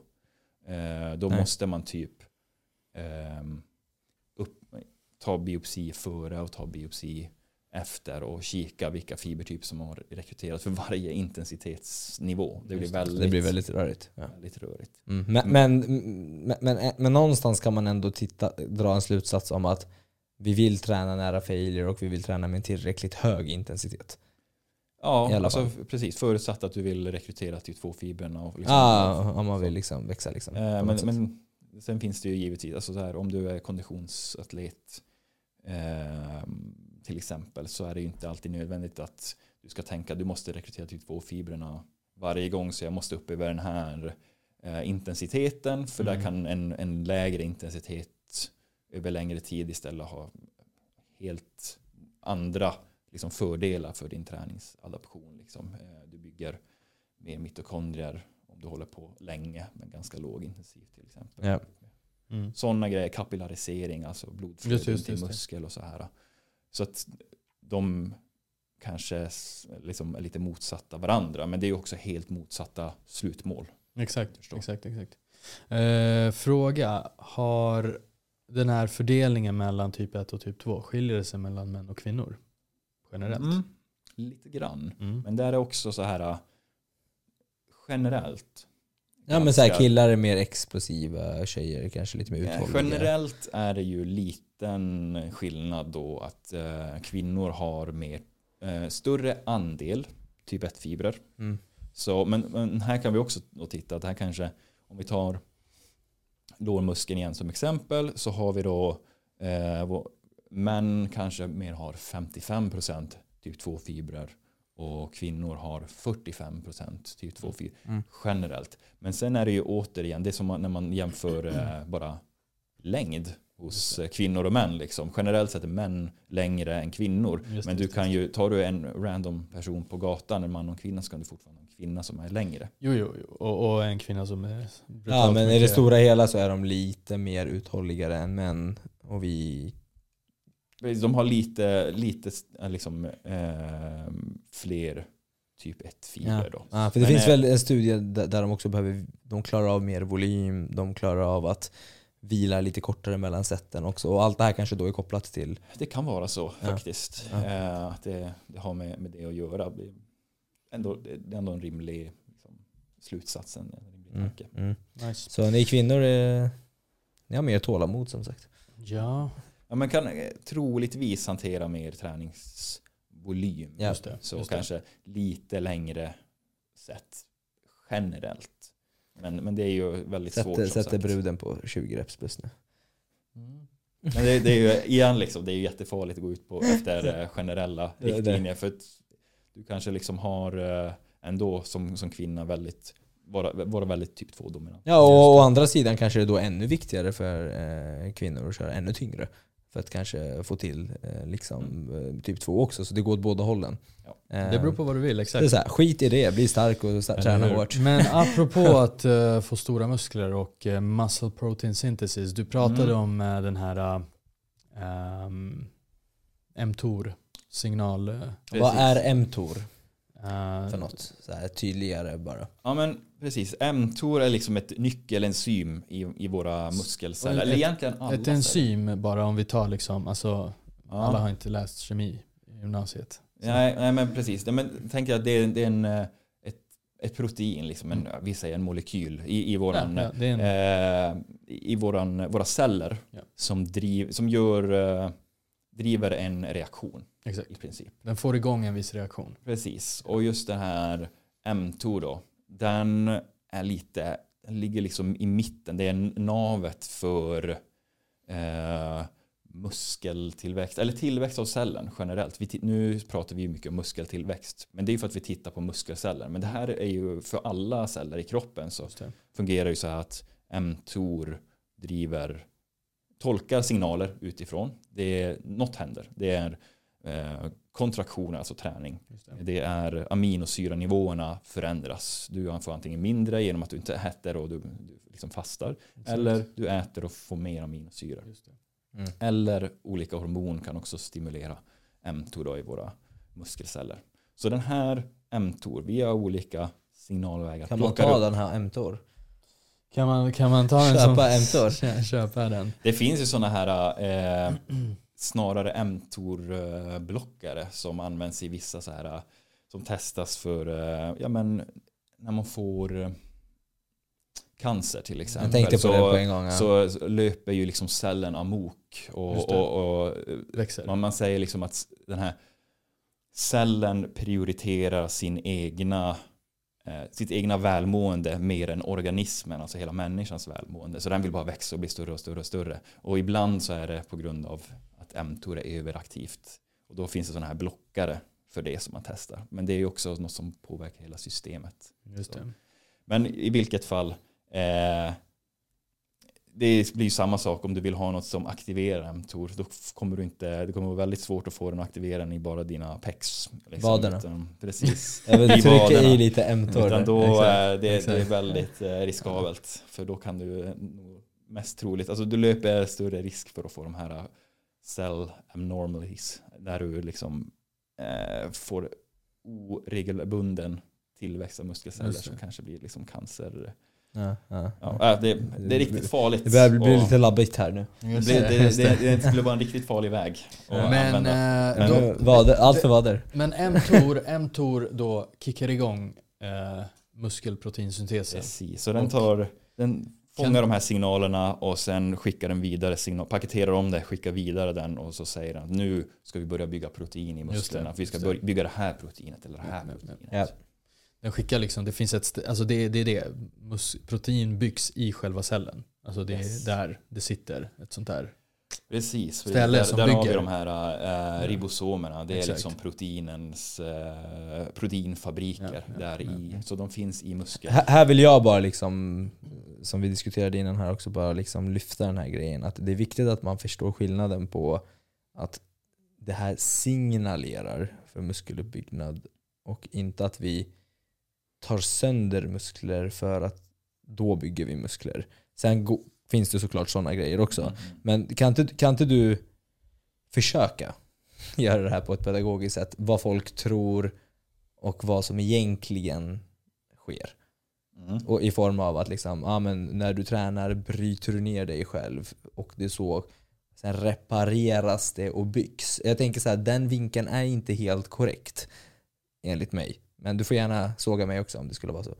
Men, men, Ja. men jag, vet inte, jag vet inte om jag är tillräckligt tydlig på den här luckan. Nej, den här, precis. vad som Men- egentligen sker och vad vi egentligen tittar efter. Sen så finns det såklart saker som går hand i hand. Precis. Man, man kan ju träna jätte, jättehårt och faktiskt liksom eh, bryta ner muskelceller. Men Ja. det är inget, skulle jag säga, positivt för muskeltillväxt utan snarare någonting som det- om det går till överdrift kan bli rent av farligt. Ja. Eh, utan man vill ha liksom en viss tröskelstimuli och det vet inte vi i forskarvärlden heller. Liksom, vart det är. Hur mycket behöver man träna som Nej, men man, man uppskattar minst. någon typ av intensitet och volym. Precis, liksom, vad, är, vad är liksom högsta och lägsta intensitet? Det vet man ju inte riktigt. Annars Inte, skulle ju inte exakt, men det finns ju lite så här modeller som beskriver liksom så här. så Här blir det förmodligen volym, sämre. Och så. Så här mycket volym kan bli negativt. Nej, men precis. Du ska Och- och- hålla dig någonstans här och volymen ska ju alltid vara hårda set, vad fan det nu än Mm. är liksom.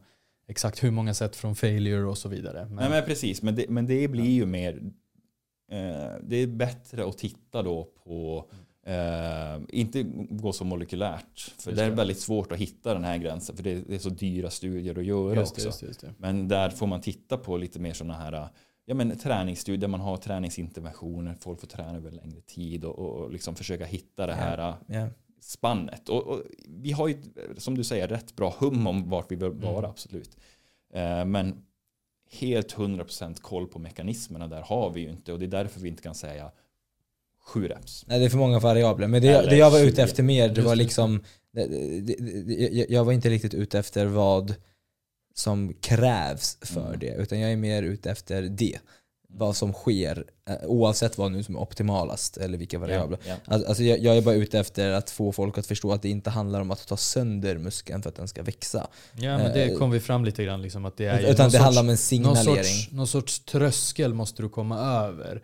Och vi har många, om, om, jag, jag misstänker att det var det jag sa, eller att vi höll med varandra om här. Att så här, vi har vissa parametrar inom träningslära. Typ. Så, här, Mm. men alltså, så här, träna inte för mycket i form av volym.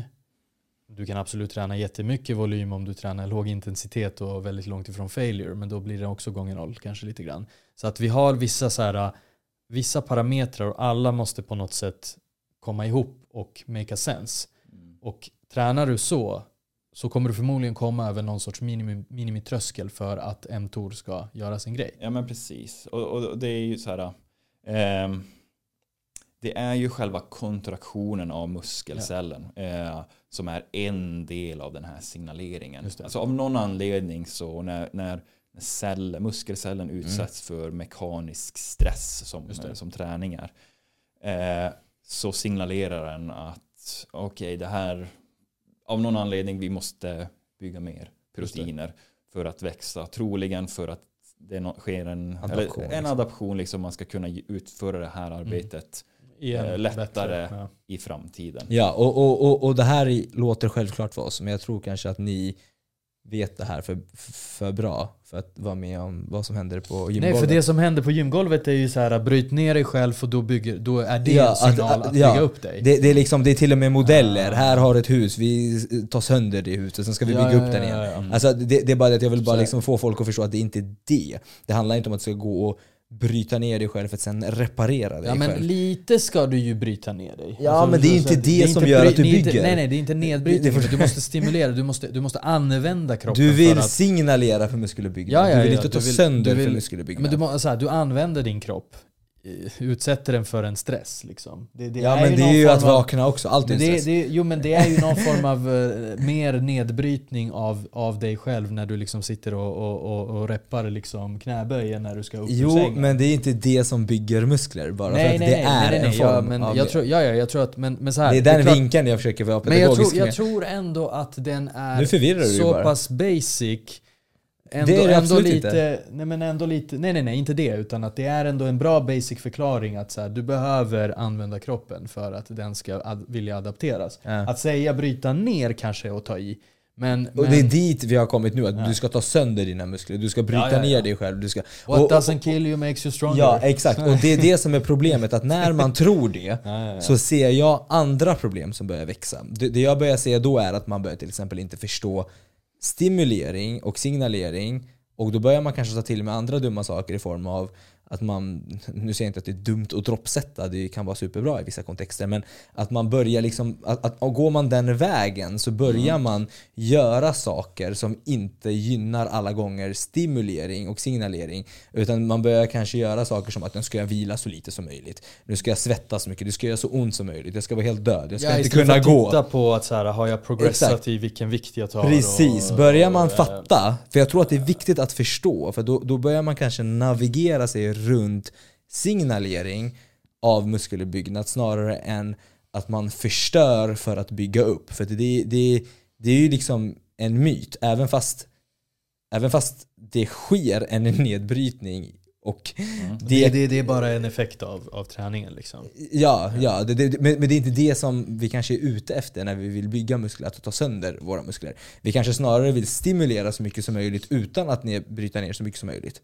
Ja, nej men det, det beror lite på, för att medla här lite, så är det lite vad man, vad man lägger i ordet bryta ner. Liksom. Det är ju så här, Ja. eh, Jag tänker folk, liksom, folkligt. Ja men om, nå- om man hör eh, att man vill bryta ner musklerna då tänker man att nu ska jag ha så mycket träningsvärk som möjligt dagen efter och det är ju såklart inte Vissa sant. jagar det. ja, precis, man, ja, man det det jagar den här att ta... s- Det, det är det jag menar, att, att Ja. många läser nog in att det här är det Exakt. man vill. Eh, Men man, om man är lite liksom eh, med i svängen och förstår hur muskler fungerar så kan man lägga en annan vikt i nedbrytning och då är det så här, ja men vi bryter ner lite glykogen och vi bryter, alltså så här, Ja, Ja, ja, vi- saker sker, vi lever liksom. Ja, jag. Precis. Ja. Men för att liksom konkret svara på, på frågan så nej, man behöver inte ha liksom trasiga muskelfibrer. Man behöver inte gå så långt för att mTOR och proteinsyntesen ska aktiveras. Det är Nej, liksom ja. inte, den kan reagera på det. För det, Ja. där behöver du återigen, säg att du får en jättesmäll på låret till exempel och då går muskelfibrerna sönder. Mm. Eller kan gå sönder. Då måste ju mTOR aktiveras för att bygga upp dem igen. Ja, men det är en Så dum att- strategi. Precis, precis så det, det är liksom, där får du inte hypertrofi. Utan där är det andra saker som kommer reglera. Utan då måste mTOR aktiveras för att återställa. Ja, ja. Det, det, jag är ute efter, det jag är ute efter det är mer att folk ska fatta att så här, såklart att om, du, om, om, om, om, ett hus rasar, ja då behöver vi bygga upp det igen. Så det kommer säkert signalera, ja men nu har det här huset rasat, nu har folk blivit av med sitt boende, ja men då måste vi bygga upp det igen. Så på det sättet som du säger så behöver ju såklart mTOR svara på det också. Men det är ju inte kanske den klokaste vägen för att få ett större hus. Nej. Utan det, man har ju backat bandet för Ja, att, för det- att förhoppningsvis komma, eh, eh, alltså bygga ett ännu större hus. Det, det kanske är bättre att man bara tänker så okej men hur bygger vi en ny stomme här för det här huset? Ja. Eh, liksom. Det är liksom som eh, spring eh, ultramaraton. Ja. När du är i mål där eh, så har du väldigt trasiga muskelfibrer oftast. Alltså Ja. det, de har verkligen jobbat och slitit sönder allt eftersom. Så när man liksom tittar eh, på, på muskeln efter ett eh, ultramaratonlopp till exempel så är de, de är riktigt eh, illa. Ja, men det är på minus liksom. Eh, precis, och, och liksom så här, det- här är ju inte massiva gubbar liksom som springer de här Nej, nej. ultramaraton. De, de är ju väldigt små. Så Exakt, hade- så hade hade- det varit nedbrytning så hade ju man i så fall gjort allt man kunde för att bryta ner. Men det är ju inte den klokaste Nej vägen. men då hade ju alla som springer ultramaraton varit enorma på benen. Exakt. Alltså, exakt, exakt. Eh, Precis. och sen kan man titta på om man vill ha två träningsformer som är ganska lika. Men nu är det inte styrketräning någon av dem. Men titta på löpning mot cykling. Mm. Så generellt sett så brukar liksom om man i alla fall tittar på hobbycyklister så Just har de generellt sett lite större lår Mm. än hobbylöpare. Ja. Och det här är också för att löpning sliter lite mer på, på musklerna eller Mm. sen på muskelfibrerna än cykling. cykling. Cykling är en, en mer Skonsamt ja. skonsam rörelse. Just det, just det. Ja, Just det, och, och, Det är lite mer koncentriskt. eh, ja, det är bara koncentriskt Ja. nästan i, Ja. i, i, i Ja men lite så då. upp kanske. Jag vet inte. Men, eh, Ja, ja. Men det är också en myt att cyklister generellt har stora lår. Det har de inte. nej, nej absolut inte. Men de kollar på handtister. Men eh, jag fattar vad du menar men i den jämförelsen. med- I den jämförelsen, ja, ja, Med ja, löpare. Ja, Som, Ja, ja. Om man bara jämför Nej men jag håller med. muscle damage me- Mm. mellan de här efter ett pass. Så generellt sett har löpare högre. Ja, men det är sant. Det är sant. Generellt sett har cyklister lite större. Men Okej, men då har vi, då har vi liksom diskuterat det här med, med liksom att inte försöka jaga damage utan liksom jaga stimulans snarare. Mm. Men min nästa fråga, det är att man brukar prata om muskelproteinsyntes, alltså en, sign, en signalering av muskelproteinsyntes av Ja. träning, men man brukar också prata av signalering till mus- muskelproteinsyntes av mat. Mm. Av till exempel en sittning där du har protein. Ja. Eh, och vad är skillnaden? Är det fortfarande mTOR eller är det liksom något annat signalämne? Eh, skillnaden är att eh, över ett dygn, om man bara använder mat för att stimulera så över ett dygn så brukar liksom muskelutbyggnaden, alltså nettoresultatet blir omkring noll. Att man stimulerar proteinsyntesen eh, när, man, när man äter men sen går den tillbaka till noll ja, och sen liksom börjar man långsamt bryta ner proteiner. Ja, man har en liten balans där mellan brytning och uppbyggnad. Precis. Så Men det, när man- det, nettoeffekten är noll liksom. Ungefär. Alltså man får ju, man kan ju liksom öka på muskelmassa om man går i, alltså upp i vikt Just det. eh, jättesnabbt. Men jag tror att det har kanske lite att göra med att vikten man bär Behöver eh, bäras. behöver bäras. Man adapterar sig liksom. Precis.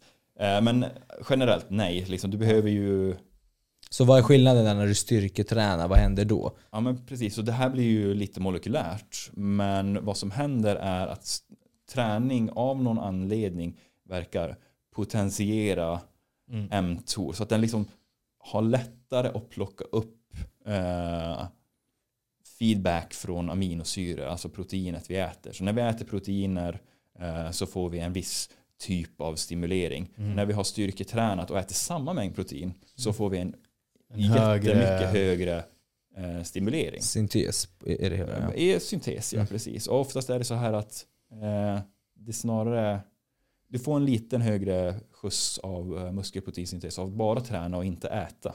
Mm. Men lägger vi ihop dem så du tränar och sen äter du och det här behöver inte ske direkt efter varandra utan det ska liksom ske under, under samma dag. Man Ja. kanske har ätit före eller ätit efter passet, det spelar inte så Ja. stor roll.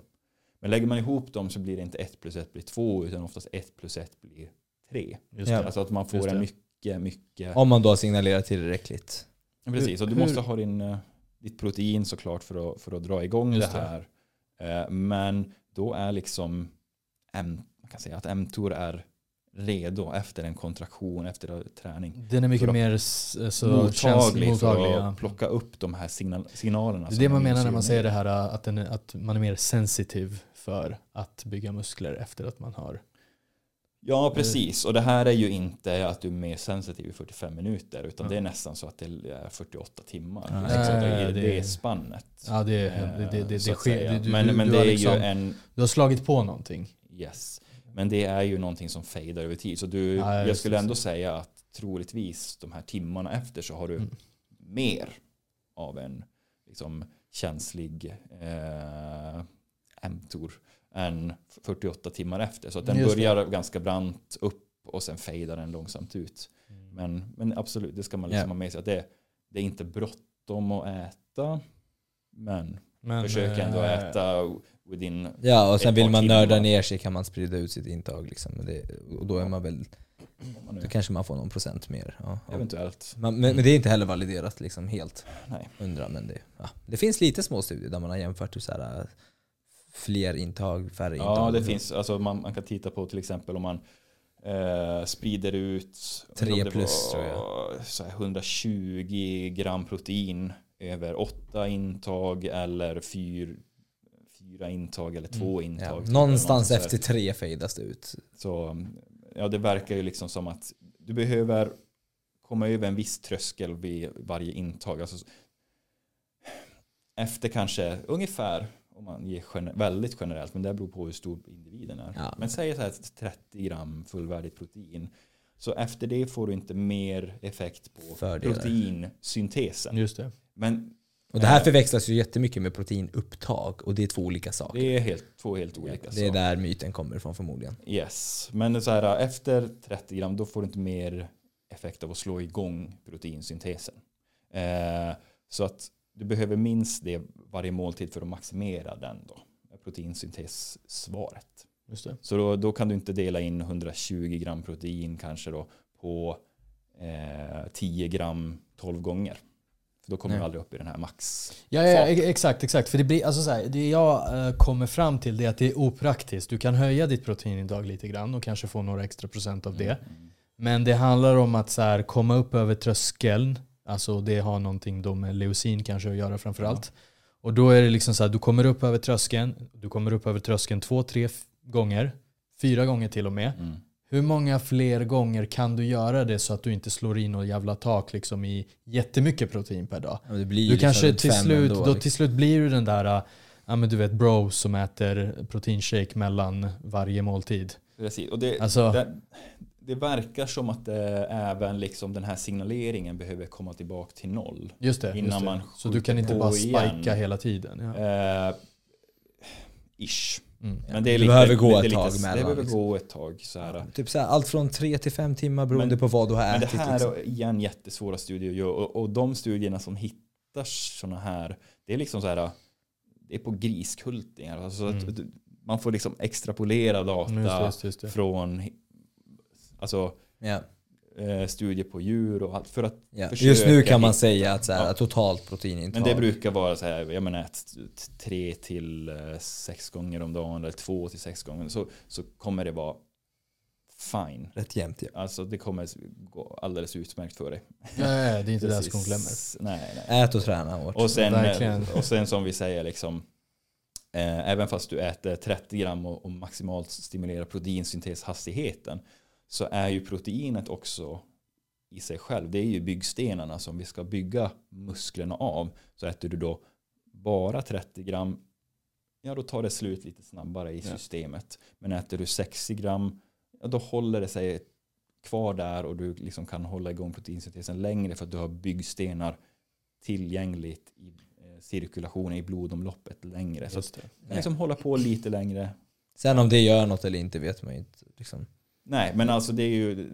Det, är ju liksom, Det var någonting där med kasin och vassle som vi läste som visade sig att så här, ja, långsamt protein på kvällen visade sig inte kanske vara så jätte wow liksom. Att det ändå var de första två timmarna som spelade roll. Ja, Eh, det det var verkar du som som att läste. du... Ja, det, det var något jag det verkar liksom som att man... Eh, ett problem med att ta kasin rent är att det, har, det, det är så långsamt att ta sig ut från magen det. ut till blodet att den inte får den här leucin Spiken. spiken. Nej.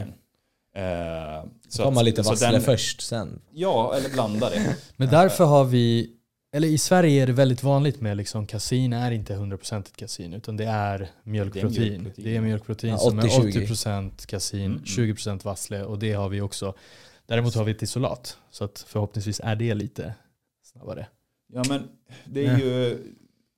Jag tror inte det är en slump att Mm. mjölk är liksom Bra skit. 80-20 Mm. eller 15-85 liksom i fördelning mellan vassle och kasin. Jag tror att det är ganska smart designat liksom att få en liten kossa och bli en jättestor kossa. det. Eh, eh, så, eh, men eh, ja, så att det, det, det är inte en De har löst det liksom. åt dig liksom. De, precis, Ja, ja, det ja. är liksom. och- Ja, men det är som laxen och D-vitaminer jag pratar om. Det är löst liksom. Men, men eh, när man tittar Exakt. på studierna sen Mm. som har tittat på kasin då har de inte använt den här 50 15-85 blandningen utan Just de har det. ju rent kasin då. Ja, ja, ja. Så då får man inte den här eh, frisättningen av leucin som kanske vasslet erbjuder i, i vanliga svenska blandningar om man säger som finns på Mm. marknaden. Jag tycker att rent kasin, jag har smakat det. Jag tycker inte det är gott ens. Ja, jag har inte smakat, jag har bara köpt det som finns. Liksom, så just, just jag, det. jag vet men det finns men- typ inte, alltså vissa, jo men det finns på vissa, vissa märken har det. Mm. Men det är inte svenska märken. ja, okej. Det går att köpa i Sverige, men det är inte gott ens. Alltså det, det, jag tycker den här, jag tror, tror att vasslet också gör någonting med smaken. Det blir mer mjölk. Alltså. ja, så kan det vara. Så kan det vara. Det är Du ska få ju, med dig en sån här. Ja men det tycker jag. Det tycker jag. Men fan, eh, det var liksom en bra avslutning här. I att ta Köp med sig kasin. saker. Nej men i att eh, Sebastian i alla fall får ta med sig en kasin och säga vad han tycker. Men eh, många tycker att den är god. Så att, Okej, ingen att, press. eh, ingen press där. Nej, nej. Tack så mycket för att du tog dig tiden. Alltså, jag kände verkligen att det här var bra. Mycket info som inte spelar någon roll. info. Nej men det var, nej, men Ja, det var tyvärr. mycket Det info. var My- träna. nej, men så här, det, det, det var högt och lågt liksom. Och, och, och någonstans så här, jag tror att det är ibland bra att dju- djupdyka någonstans. Men det är viktigt att så här, ha lite så här, situation awareness. Att så här, det här har inte så jättemycket impact för, ja, men som jag sa, så här, Svenne här över gatan som ska springa lite eller Nej, lyfta precis. lite skrot. Det är så här, Är du rasist? Du behöver inte, du behöver inte runda upp repsantalet Exakt, på grund exakt, av din känsla att du Exakt. är typ ett. exakt. Jag ska börja köra ettor nu. Exakt. Men det är ändå, det är ändå mycket info som, eh, som, som, som det, alltså så här, vi är ju nördar här också, det är bra att veta. Det, det är så här, bra att veta för att veta att det inte kanske är någonting som behövs i vardagen. Man gör ju sin egna lilla forskning av all samlad info och så försöker man testa sig själv och Mm. testa sig fram och så får man gå på lite Precis, känsla och lite... precis. Hur som helst, ditt jobb är ju viktigt så att fortsätt med det du gör. Och du eh, finns vart... Eh, va- Ja, va- vart finns jag? Karolinska. Man får liksom, precis, man får liksom, eh, vill man nå mig får man försöka mejla mig på min eh, jobbmail. För var så vi gjorde. Ja, precis. För att jag, eh, jag är inte särskilt aktiv på Nej. sociala medier någonstans. Det borde vara det. Gå in på TikTok och bryt lite myter. Ja, vi får se. Vi får se. Ja, ja, ja. Ja, men, Du pallar inte. Eventuellt. Du, är, du har i alla fall disputerat nu precis på Precis, precis. eh, Idrottshögskolan. Precis, det gjorde jag på gymnastik och idrottshögskolan Exakt. och jag disputerade 16 december var det. Yes. Så då försvarade jag min avhandling, den blev godkänd och jag blev doktor. Och därefter hoppade du vidare till Karolinska. Precis, så fick jag jobb eh, som eh, postdoc. Det är liksom vanligtvis tjänster man har efter eh, en, man har tagit doktorsexamen. Om man vill fortsätta forska vill säga. Så jag fick det på Karolinska. På din LinkedIn har du sådär Sebastian Edman, komma PhD. Det, tycker jag du ska ha. Jag, jag får kika på det. Även där tror jag jag är lite dålig på att uppdatera. Liksom. Du, måste ha det där. Det är så, det, nej, jag tycker det är lite... Bara starta en YouTube-kanal, PhD Sebastian. Nej men kul, kul att du var här. Tusen tack att du, att du tog dig tiden. Och eh, hoppas att du är sugen på att komma på fler poddar och slakta lite andra ämnen. Ja, ja, eller bekräfta, det vet man ju inte. Exakt, exakt. Det vet man aldrig. Grymt. Alright. Grymt, Tack så mycket. Ha det bra allihopa. Hej. Hej då.